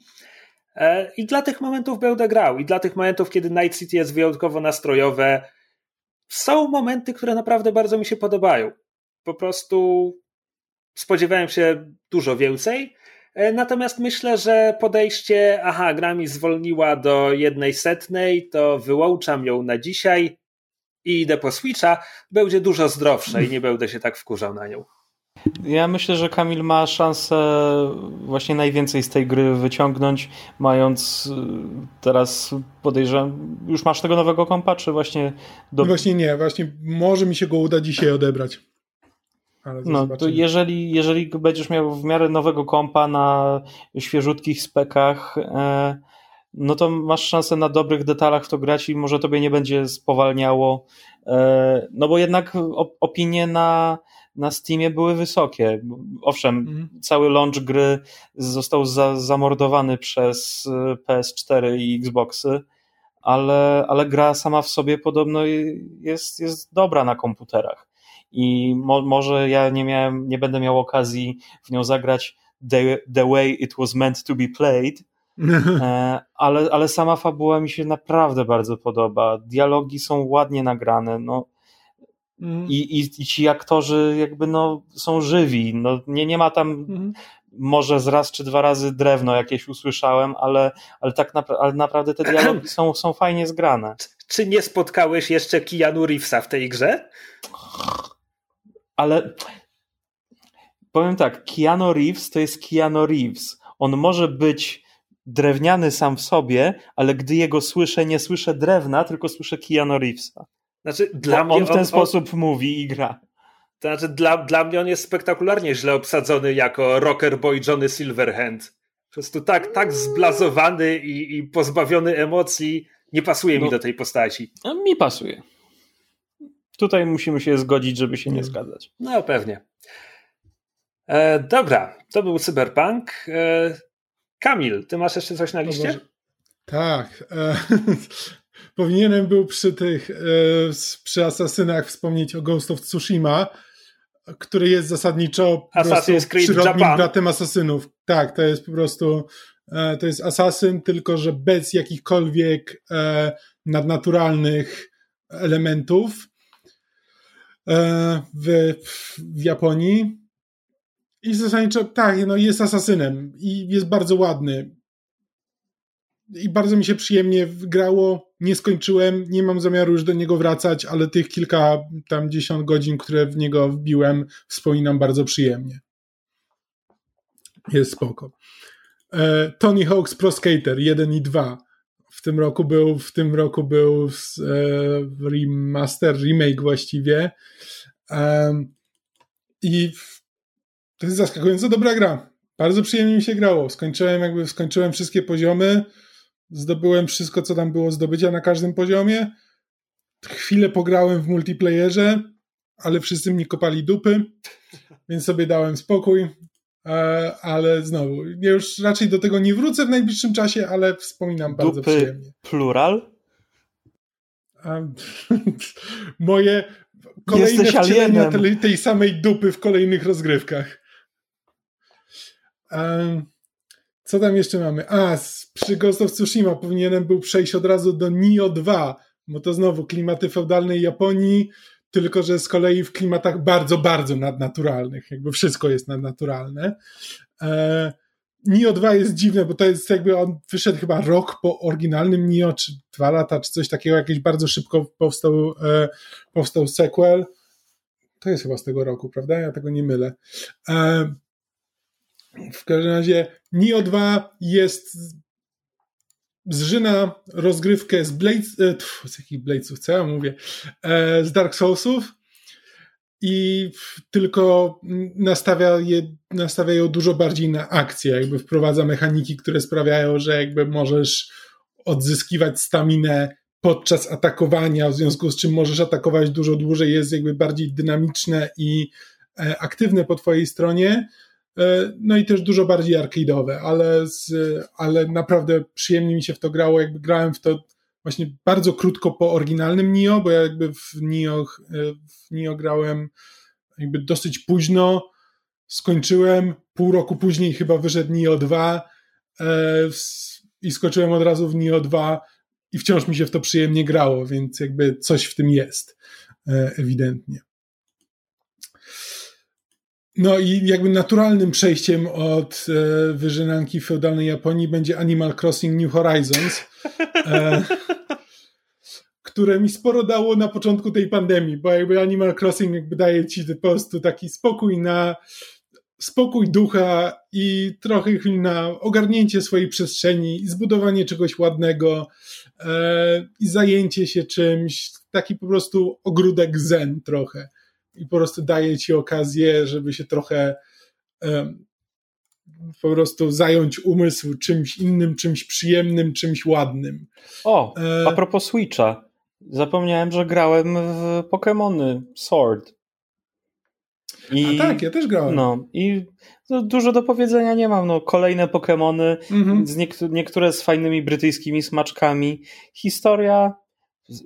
Mam wrażenie, że oni na siłę starają się zro zrobić tę fabułę inną niż była do tej pory. Bo zazwyczaj no, ta fabuła była, o jest Team Rocket, Team Magma, Team Makła, Team jakiś tam, śmrasiś tam. A tutaj zrobili Team Yell i oni tak naprawdę nie są źli i oni nie są twoim głównym przeciwnikiem. I tak naprawdę twoim głównym przeciwnikiem jest ktoś, kto, te, kto chce dobrze. I tam nie było nikogo złego, tam nie było złola. Zrobili, zrobili grę, w której walczy z przeciwnikami, którzy nie są źli. Znaczy, oni chyba trochę specjalnie to zrobili, jakby taki, że to ma być to, czym są Pokémony. To znaczy, ma, mają być taką przyjacielską rywalizacją, że nawet jeśli masz rywala, to on nie jest twoim wrogiem, on jest po prostu twoim przeciwnikiem. E, I to ma być jakby bardziej przyjazne dla dzieci, jakby Pokémony bardzo mocno jakby idą w tę stronę, jakby mhm. miałem okazję trochę oglądać e, nowych sezonów Pokémonów e, i one są bardzo wholesome ostatnio, znaczy właśnie bardzo o przyjaźni i o właśnie takiej rywalizacji, która jest wciąż przyjacielska i o tym, że właśnie, że podczas walki możesz poznać nowych przyjaciół i tak dalej, i tak dalej. I chyba okay. po prostu w, jakby Nintendo trochę chce jakby w tę stronę pójść, żeby żeby odkazić jakby e, otoczenie. Okay, maybe this tak, is the way. Może. This is the way.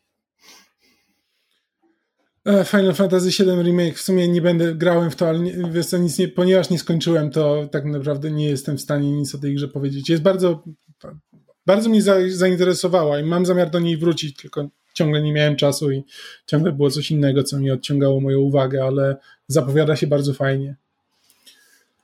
Okej, okay, zostały mi dwie pozycje na liście. Okej, okay, to ja mam jeszcze jedną. Dobra, dawaj. Spodziewałbym się, że też ją masz na liście, e, bo to jest moja trzecia gra roku i być może jest najbardziej grą roku z tych trzech e, po Spelunky 2 i Monster Train e, Desperados 3. Zapomniałem o Desperados 3. No, Czemu mi Steam nie okay. pokazał Desperados 3? E, no więc Desperados 3 jest e, trzecią częścią tego cyklu, ale dopiero pierwszą zrobioną przez studio Mimimi, które 4 lata temu zrobiło Shadow Tactics, Blades of the Shogun, świetną taktyczną skradankę w czasie rzeczywistym w feudalnej Japonii. A Desperados 3 są tym samym, tylko na dzikim zachodzie. E, z odrobiną magii, bo jest tutaj kapłanka voodoo bo, bo pewnie, bo czemu by nie, e, w pewien sposób może to za daleko idąca interpretacja, ale można by powiedzieć, że każdy członek twojej dziko zachodniej drużyny e, urwał się z trochę innej gry skradankowej, bo jest nie. Kate, która może się przebierać i to jest taki trochę hitman z tymi przebierankami wtedy, to jest bardzo naciągane. Mm. Natomiast kapłanka Voodoo jest totalnie z Dishonored 2, ponieważ dysponuje bardzo konkretnie mocą domino, którą miała Emily w tamtej grze. To znaczy może mm. połączyć dwóch strażników i wtedy co wydarzy się jednemu, dzieje się drugiemu. E, I trzeba tę naszą wesołą ekipę przeprowadzić przez ogromne mapy pełne strażników, e, ale również okazji, żeby robić rzeczy tym strażnikom. I to jest wszystko taki wielki mechanizm skomplikowany, te ścieżki patroli, te pokrywające się pola widzenia kolejnych strażników, więc w każdym momencie musisz sobie zadać pytanie, ok, kogo mogę tutaj załatwić, żeby jak najmniej osób się zorientowało? I tak sobie po kolei, to jest niemal to jest takie mordercze sudoku, musisz to rozpracować. Mm. Ok, zacznę od tego, potem tego, potem tego. No i oczywiście masz paru gości i możesz zapauzować grę, wydać im polecenia, żeby wykonali je w tym samym momencie, więc aha, ci dwaj zawsze na siebie patrzą, ale tylko oni na siebie patrzą. Jeśli zginą w tym samym momencie, nikt się nie dowie. Czy jeśli dwóch strażników ginie w tym samym momencie, ale nikt ich nie słyszy, to czy wydali jakiś odgłos? Odpowiedź mi nie. E, e... I to jest wszystko naprawdę strasznie fajne i wciągające. E, I powiedziałbym, że ta gra trwała tyle, ile powinna. Te plansze były duże i wymagające, ale ukończenie każdej dawało mi ogromną satysfakcję. Miałem wrażenie, że zostałem przetestowany pod względem tego, jak mogę zastosować umiejętności tych postaci do tych plansz i wykombinować. Miałem wrażenie, że, że to są moje własne rozwiązania, bo też widziałem alternatywy. Te mapy są tak duże, że możesz przejść, wiesz, jakąś drogą. No nie powiem, że i nawet nie obejrzeć drugiej połowy mapy, bo to byłaby pewna przesada, ale są mapy, na których możesz zostawić całe stado strażników po prostu idąc inaczej, gdzieś indziej. E, jeszcze jeden e, fajny element, który pojawił się dopiero w tej grze, to i tu znowu wracamy trochę do Hitmana albo innych skradanek, bo na niektórych mapach są obszary, że tak powiem, obszary ruchu cywilnego, gdzie po prostu kręcą się ludzie, przechodnie i tam można się swobodnie poruszać i dopiero na terenach zastrzeżonych musisz zacząć się ukrywać przed strażnikami, co sprawia, że możesz sobie obejść mapę, tak uważniej się przyjrzeć, zaplanować rzeczy. To był bardzo fajny dodatek. Wracając do tego, co powiedziałem, że ta gra miała idealną długość, no bo to jest tam, nie wiem, 8 czy 10 takich gigantycznych misji, a potem są jakieś wyzwania, które recyklingują mapy, ale tam są jest nowe układy strażników, nowe wyzwania, potem były dwa pakiety DLC, chyba nawet jeden z nich zawierał zupełnie nową mapę i szczerze mówiąc, ja już wyciągnąłem z Desperados 3 tyle, ile chciałem i nie próbowałem tych wyzwań, nie kupiłem tego DLC. Może za rok czy dwa, jak zatęsknię. E, Mimimi już ogłosili, że robią nową grę. Na razie jest to e, kryptonim Batat. Nie powiedzieli Tobie, nic tobie, innego. tobie już ogłosili? Nie, w internecie ogłosili. E, ale, ale prawdopodobnie znowu zajmie im to 3 albo 4 lata, więc kto wie, może za dwa lata zapragnę się znowu poskradać i wtedy dokupię DLC sobie. Ale tak, jakby Desperados 3 bawiłem się przy tym świetnie. Serdecznie polecam. E, mogłem zacząć od, jeśli pamiętacie sprzed dwudziestu paru lat komandosów, to jest ten rodzaj gry. Albo Desperados 1 lub 2, tylko ja nie grałem w tamte, więc to nie jest moje skojarzenie. Mówię, jakbym grał w komandosów, grałem tylko w demo komandosów. Wszyscy graliśmy w demo komandosów. Prawda? To była, to była taka epoka, że wszyscy graliśmy w te dema, które były na płytach, które były dołączane do pism. Mieliśmy ten wspólny kanon dem. To były E, Kamil, ty czasy. skończyłeś Teraz nie ma? E, Tak, skończyłem Desperadosów i nawet przeszedłem te, te wyzwania, które były w, w oryginalnej podstawce. No, to grałeś nawet więcej niż ja. E, Więc e, tak. I ma, znaczy, po prostu podpisuję się pod tym, co ty mówiłeś. Jakby to jest po prostu przyjemna, przyjemna łamigłówka, właśnie dokładnie takie sudoku, gdzie wydaje ci się, że znajdujesz jakby własne rozwiązania, które zazwyczaj są przewidziane przez twórców i tak, ale, ale jakby daje ci na tyle swobody, że, że można sobie pokombinować. E, To z mojej listy zostało mi jeszcze tak Hyrule Warriors Age of Calamity, znowu gra na Switcha, e, która jakby jest, to jest, po prostu... Dynasty Warriors tylko w świecie Zeldy. Dokładnie tak. E, A Dynasty Warriors polega na tym, że masz e, dużą liczbę bohaterów, e, w których możesz levelować, rozwijać, jakby doda- dawać im nowe bronie i nowe umiejętności. I wybierasz sobie takich bohaterów, zazwyczaj trzech e, do każdej misji. Jak jesteś na misji, to jakby to możesz się, to masz wielkie pole bitwy, i zazwyczaj tych bohaterów jakby w różnych częściach tego pola bitwy możesz się pomiędzy nimi przełączać, więc możesz przeskakiwać pomiędzy różnymi częściami e, tego pola. E, I każdy z tych bohaterów siecze setki przeciwników. To znaczy po prostu jakby jednym ciosem może jakby trafiasz całe bataliony, e, znaczy czy tam plutony. E, i po prostu tłuczesz, tłuczesz przeciwników e, wokół siebie na pęczki, jakby kończysz zazwyczaj z jakimś e, tysiącem, e, tysiącem pokonanych wrogów na koncie. I jest to bardzo przyjemnie odmurzająca gra. Tyle mogę o niej powiedzieć. Jakby jest w świecie Zeldy, w związku z czym jakby bardzo ładnie też wygląda. I pod tym względem też ją, też ją polecam. I też prawdopodobnie jakby ta, ta, ta estetyka trafia do mnie dużo bardziej niż oryginalny Dynasty Warriors. no, a ostatnią moją listą i grą roku 2020, werble poproszę, jest Hades. Nie słyszałem o tej grze. Hades to jest jakby roguelike, gra akcji w życie izometrycznym o synu Hadesa, Zagreusie, który próbuje się wydostać z zaświatów. Z Hadesu. Z Hadesu, tak. I w, po drodze musi pokonać, pokonać jakby wiele, wielu przeciwników. I to jest tak, że jakby każdy, jakby po drodze, no to masz ka każde jakby pomieszczenie jest taką areną, na której masz do pokonania iluś tam przeciwników. Ci przeciwnicy jakby zazwyczaj mają bardzo unikalne możliwości i autentycznie jakby walka z każdym z nich jest inna i wymaga trochę innej taktyki.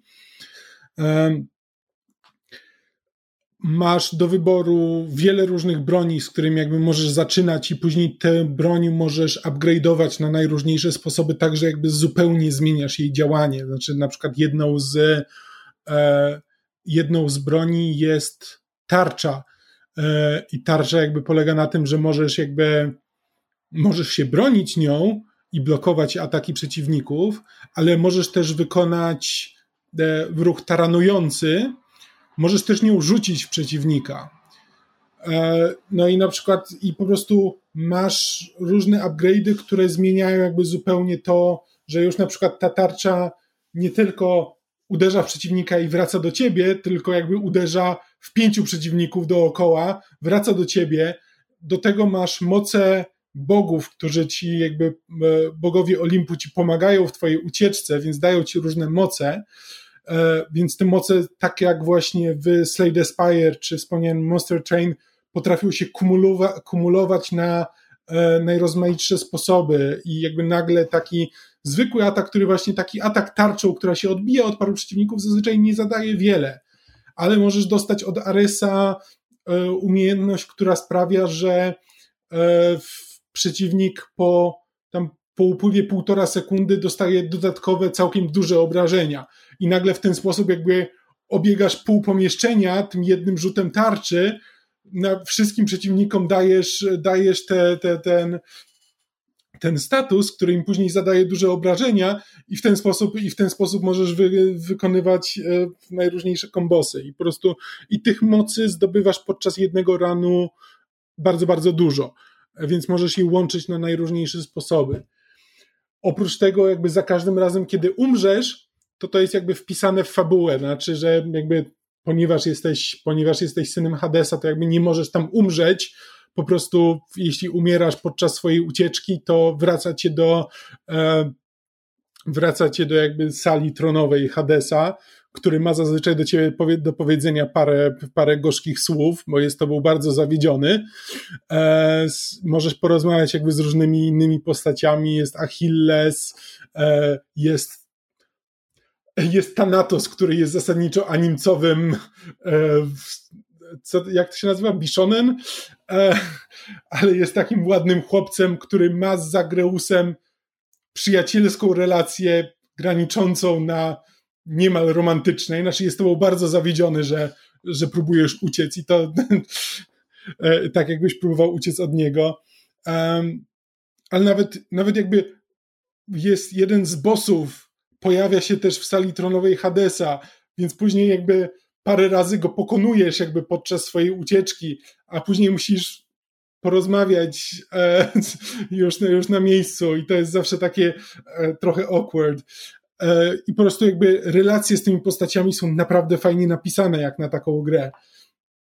A przy tym po prostu mechanicznie jakby każdy ten, każdy ten run jest na tyle inny i na tyle ciekawy, że po prostu grałem w to i grałem e, raz po raz. E, I wciąż mi się nie znudziło, wciąż mam ochotę do tej gry wracać. Więc jakby pod tym względem to jest zdecydowanie moja gra roku, bo spędziłem przy niej jak najwięcej czasu i praktycznie jako jedyna ze wszystkich gier, które tutaj wymieniłem, jakby jest tą, w którą naprawdę będę jeszcze grał. Mimo, że spędziłem przy niej większość tego roku. No, ja nie ukrywam, wymieniłem już moje trzy gry roku, ale tak naprawdę teraz pora na rundę bonusową, bo moja prawdziwa gra tego roku to oczywiście nie jest gra, która się ukazała w 2020, dlatego nie, nie będę się rozwodził. W ogóle zacznijmy od tego, technicznie rzecz biorąc, sprawdzałem na Steamie, w co grałem w tym roku. Okazuje się, że Disco Elysium skończyłem dopiero 15 stycznia, w związku z czym Disco Elysium może drugi rok z rzędu być moją grą roku. Ale to nie wszystko, tak. bo ja byłem święcie przekonany, że grałem w Return of the Obra Dinn w zeszłym roku, ale nie, to też był początek tego roku. Return of the Obra Dinn znakomity. Mówiłem już o nim w krzesła, więc nie będę teraz powtarzał. E, I wreszcie z, z gier, które nie ukazały się w tym roku, ale grałem w nie po raz pierwszy w tym roku, e, Night in the Woods. Odkryłem dopiero w tym roku, znaczy odkryłem. Mm. Wiedziałem o istnieniu tej gry, odkąd wyszła, była na mojej liście, po prostu dopiero w tym roku w nią zagrałem. Rewelacyjna, świetnie napisana rzecz. E, zresztą tak jak Disco Elysium. E, też o prawach robotniczych, jak się nad tym głębiej zastanowić. E, a poza tym. Nic Nawet nie trzeba się głęboko zastanawiać. A, a poza tym nic ich nie łączy. E, więc e, tak, jakby grałem w fantastyczne gry w tym roku, tylko one nie były z tego roku. E, no a teraz Hollow Knight. Gram w niego dopiero od paru dni, ale już mi się strasznie podoba. Chyba, że okaże się za trudny na te e, no, niezgrabne kciuki, to, to, to trudno, to odpadnę. Ale na razie bardzo mi się podoba. E, no i w ogóle Switch otwiera teraz przede mną całe pole gier, do których nawet nie tyle nie miałem dotąd dostępu, bo jeśli chodzi o ekskluzywy Nintendo, to nie ukrywam, mnie jakoś nie ciągnie strasznie do Breath of the Wild. Oczywiście Fire Emblem Three Houses zagram, w końcu zagram, Fire Emblem, wiadomo, e, ale tak naprawdę jest cały szereg gier, w które nie ciągnie mnie, żeby grać w nie na PC-cie, a chętnie zagram w nie na Switchu. Hollow Knight jest od choćby pierwszą z nich. Z jakiegoś powodu bardziej mi to pasuje po prostu do grania na hmm. kanapie. Ale wyobrażam to sobie. Przy czym przestrzegam, przestrzegam bardzo poważnie, ponieważ dla mnie Switch stał się nie tyle konsolą do grania, co konsolą do kupowania gier. o! Bo po prostu kupuję gry na zasadzie, tak, to będzie właśnie ta dobra gra, w którą mogę pograć jakby w wolnych chwilach, nie siedząc przy komputerze e, a później jakby później w nią nie gram, ale później jest kolejna gra, w którą bardzo chciałbym zagrać i będzie właśnie bardzo dobrą grą na Switcha e, i to niestety się tak kumuluje i kumuluje. Tak, w związku z czym podsumowując, e, moje trzy gry tego roku, poza tymi, które już wymieniłem, to Disco Elysium Night in the Woods i Return of the Obra Dinn. A teraz widzę, a chciałem wspomnieć, że grałem też w Total War Three Kingdoms. To też nie jest gra z 2020, ale dopiero pierwszy raz w nią teraz grałem. E, jest bardzo spoko. E, w pierwszej chwili byłem nią przerażony, pomimo tego, że grałem wcześniej w pięć czy sześć innych Total Warów. Kompletnie nie rozumiałem, czego gra ode mnie chce i o co chodzi ale następnego dnia usiadłem z herbatą, z nastawieniem, dobra, mam dwie godziny, zrozumiem, czego ona ode mnie chce. Tak naprawdę zrozumiałem ją tydzień później, e, ale wciąż jakby udało się. Jest spoko. E, jeszcze kiedyś do niej wrócę na pewno. E, I to tyle. I to tyle. I oczywiście rok 2020, tak jak wszystkie poprzednie, kończy się tym, że moja lista gier, w które chcę zagrać, tylko się bardzo wydłużyła, bo są tytuły, które są na moim radarze, o których słyszałem świetne rzeczy i jeszcze się za nie nie wziąłem. Na przykład um, bardzo lubię taktyczne turówki i wcale nie jestem przekonany, że Chimera Squad była najlepszą, która się w tym roku ukazała, więc żałuję, że nie zagrałem w Phoenix Point, które wyszło z Early Access w tym roku. E, żałuję, że nie zagrałem w Gears Tactic, które zebrało bardzo dobre recenzje. Gears of ja War mnie... Gears Tactics, nie, nie wspomniałem o Gears Tactics. Ja mówię, Jak? że zaczynałem bardzo dużo gier w tym roku. Aha, czyli nie dokończyłeś. E, jest zaskakująco dobre. Znaczy to jest, jeśli komuś się podobało w XCOM 2 War of the Chosen e, strzelanie do, jak to się nazywało, do zombiaków, e, lostów.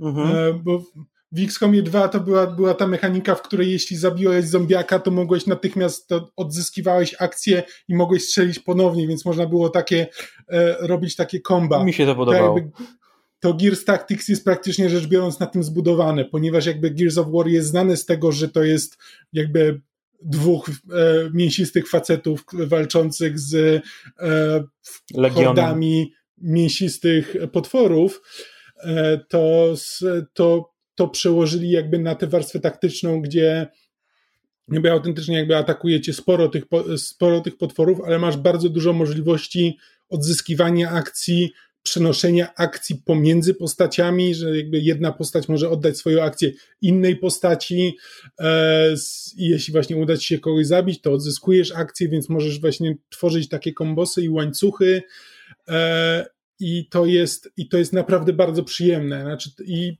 a przy tym jest odarte z E, z tej warstwy jakby strategicznej X-Koma w dużym stopniu. Znaczy wciąż jest, e, jest upgrade'owanie postaci, jest jakby e, zarządzanie ekwipunkiem, ale po prostu nie ma takiego e, decydowania jakby, czy polecisz na tę misję, co zajmie ci trzy dni, czy polecisz na tamtą misję, co ci zajmie dwa dni, ale tamta jest bardziej paląca, a tamta nie, tylko bardziej po prostu można do tego podejść trochę bardziej na luzie i cała gra jest trochę właśnie takie bardziej na luzie, ale przy tym jakby możliwości taktyczne są autentycznie e, jakby nie są uproszczone. To nie jest tak, że to jest po prostu taka bezmyślna gra, tylko autentycznie trzeba, trzeba pomyśleć, o tym, ale jakby myśli się głównie właśnie taktycznie, a nie strategicznie. Wiem, że już w gorących krzesłach rozmawialiśmy o tej różnicy dużo.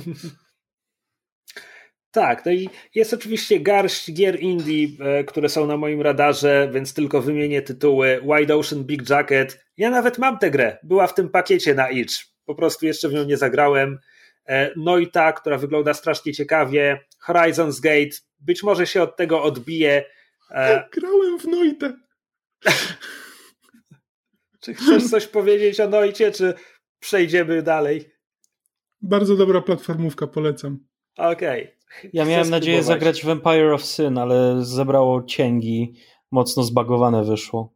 Ja. Też kolejna hmm. torówka. Ja też bym chciał to zagrać. E, Umurangi Generation. Podobno świetna, bardzo klimatyczna gra fotograficzna, a ponieważ tryb fotograficzny Cyberpunka jest jedną z najlepszych części tej gry, to tak sobie myślę, zagrałbym w Umurangi naj, najwyraźniej. Najwyraźniej lubię gry fotograficzne. Znaczy inaczej, w Cyberpunku odpalam go po to, żeby obejrzeć swoją postać, bo to jedyny moment, kiedy mogę. Ja nie razu nie odpaliłem tego jeszcze. Nie wiem jak ta, ta gra jest piękna i bardzo filmowa, jeśli znajdziesz kadr, czego twórcy nie robią, bo nie, nieważne, nie wracajmy do cyberpunka. E, I wreszcie takie małe indie, e, to jest gra na podstawie takiego małego filmu, może słyszeliście, e, Gwiezdne Wojny, e, Star Wars Squadrons. Chcę w to zagrać, tylko jeszcze tego nie zrobiłem. Hmm. Ja jestem w te, tym tak zainteresowany troszkę bardziej akademicko, że, ale podejrzewam, że to nie będzie mój rodzaj rozgrywki, bo jakoś kosmiczne simy mnie nigdy nie były w stanie wciągnąć na dłużej. No, mnie też. No ja grałem, nigdy, nigdy nie skończyłem żadnego z nich, ale grałem trochę w X-Winga, grałem dużo w TIE Fightera. Nie mówię, że w latach 90. to było, wiesz, góra 10 lat temu. E, X-Wing Alliance robiłem co najmniej trzy podejścia, myślę, że przeszedłem góra pół tej gry, ale bardzo ją lubiłem. E, no Squadrons, ponieważ jest, ponieważ mimo wszystko jest przede wszystkim nastawione na ten multiplayer, gdybym zaczął w nią grać, jest duża szansa, żebym przeszedł, bo to ma króciutką kampanię, bo tam chodzi o te multi, w które ja nie będę grał, bo nie lubię, jak mnie ludzie zabijają w internecie. Znaczy inaczej, lubię to przez miesiąc, a potem się nudzę, patrz Apex Legends i Mordhau. Poza tym, ile wyzwisk mogą znieść nasi rodzice? Co? Przy grze online. Ale czemu nasi rodzice? Co? Jest, czy on się nigdy nie matkę. spotkał z wyzwiskami od ludzi bo w to, internecie? Bo to jego matka była. Kochasz mnie już? A, okej. Okay. Może to ja gram na tyle źle, że mi zawsze rodziców wyzywają. Ale nie, bo, bo, ty, bo, ty grasz, bo ty grasz w Lola i patrzysz na, patrzysz na czat tekstowy. Ja jak grałem w Mordhau i Apexy, to jakby miałem wyłączoną komunikację dźwiękową, a czatu tam nie było. Nie, okay. Mordhau chyba ma czat. Ignorowałem go. I dobrze, bo tam jest mnóstwo rasistów. Z jakiegoś powodu każda gra o średniowieczu przyciąga mnóstwo turborasistów. Ciekawe czemu. Hmm. Okej. Okay. To co? To to były gry roku 2020. No. Czy da się je jakoś ładnie podsumować? Nie sądzę. Gry są dobre. Należy w nie grać. No mówię, ja mam przekonanie, że jeśli chodzi o gry, które ukazały się w 2020, że wciąż nie zagrałem w te najlepsze. Więc e, będę szukał dalej. Znaczy... I prawdopodobnie w przyszłym roku moją grą roku będzie coś, co wyszło w tym roku. Mhm. Znaczy, dla mnie ten rok był trochę rozczarowujący, jakby pod względem growych. Znaczy, właśnie poza, poza Hadesem, no to przynajmniej może, okej, okay, może e, rozdzielmy to, mówiąc o segmencie jakby AAA jakby nic mnie tak nie, nie przyciągnęło do siebie na, na dłuższy, nic tak nie, nie zostało w moim umyśle. Właśnie dlatego, dlatego jakby na liście moich top gier jest Resident Evil 3, no bo jakby Resident Evil 3 został ze mną na dłużej.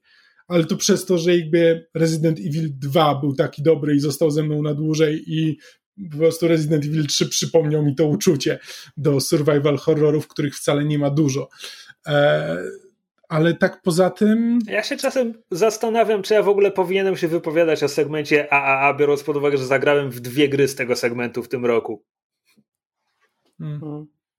Ja mam wrażenie, że ten rok dodatkowo pokazał nam, jak, jak bardzo rozwój gier komputerowych jako segmentu rozgrywki i segmentu gospodarki zaczął zabijać same gry, gry komputerowe same w sobie. Ponieważ przez to, że gry stały się popularne i zaczęto w nie więcej inwestować, tym bardziej pieniądze zaczęły tym segmentem rządzić.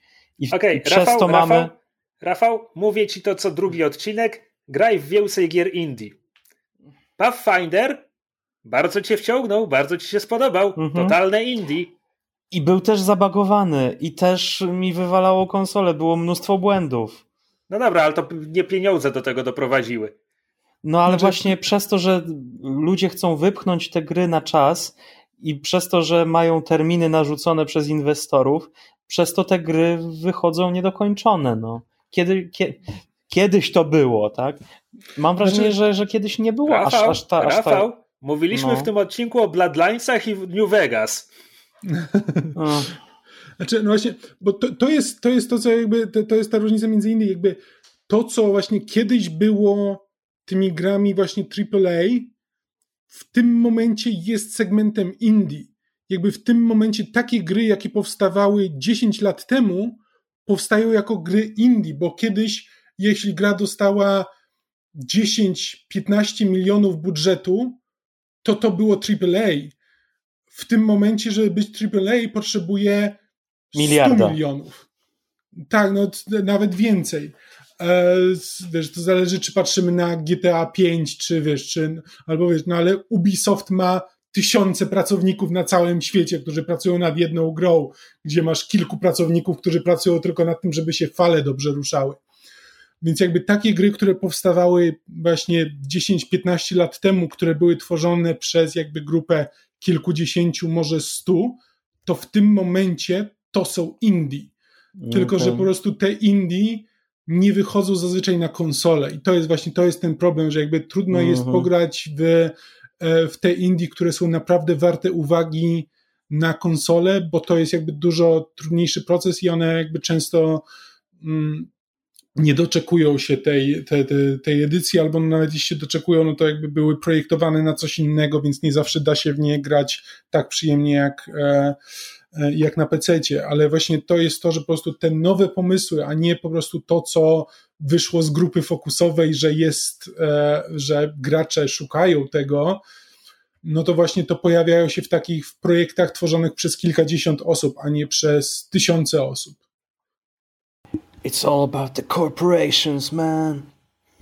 Hmm. No i tak, to w takim razie 2020 rok rokiem korporacji najwidoczniej na tym skończyliśmy. Ale zatytułujmy ten odcinek Gry są dobre. Już, już wykorzystaliśmy ten tytuł w tym roku. Serio? Wiem, że to mało statystycznie prawdopodobne, biorąc pod uwagę, ile odcinków wypuściliśmy w tym roku, ale już to zrobiliśmy. Z, to zróbmy tytuł odcinka Gry są dobre 2077. ale ta gra nie jest dobra. Nieważne. Dobra, to, to wszystko wystarczy w tym roku. w 2020. Okay. Wystarczy w tym roku. Dzięki Wam, słuchacze, za uwagę i poświęcony nam czas. Podzielcie się z nami swoimi typami na, na grę roku. Napiszcie nam, jakie gry przegapiliśmy, co jest warte uwagi.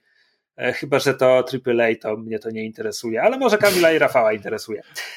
Nie tak. bądź AAA-istą. Co, bo według ciebie my jesteśmy takimi pożeraczami bezmyślnej papki AAA dla ludu, no nie, ale, dla mas bezmyślnych, tak? Ale gracie w to więcej niż ja chyba, znaczy Kamil na pewno.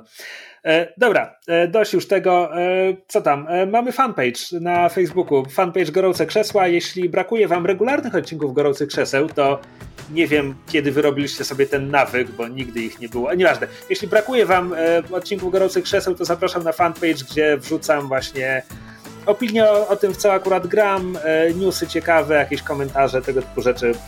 Staram się, żeby tam się w miarę dużo działo. Jeszcze raz, to jest fanpage na Facebooku Gorące Krzesła. I to chyba tyle. No. To no cześć! Miejmy Usłyszymy nadzieję, się że... w 2021. Tak, że miejmy, miejmy nadzieję, że ten rok będzie lepszy. Miejmy nadzieję, że to nie będzie na kolejnym podsumowaniu roku. Co w sumie nie jest, nie jest niemożliwe, bo od poprzedniego podsumowania roku mieliśmy trzy odcinki. Zobaczymy. Będzie co ma być. Zobaczymy. Cześć. Może się uda. Hej. Do usłyszenia. Hej.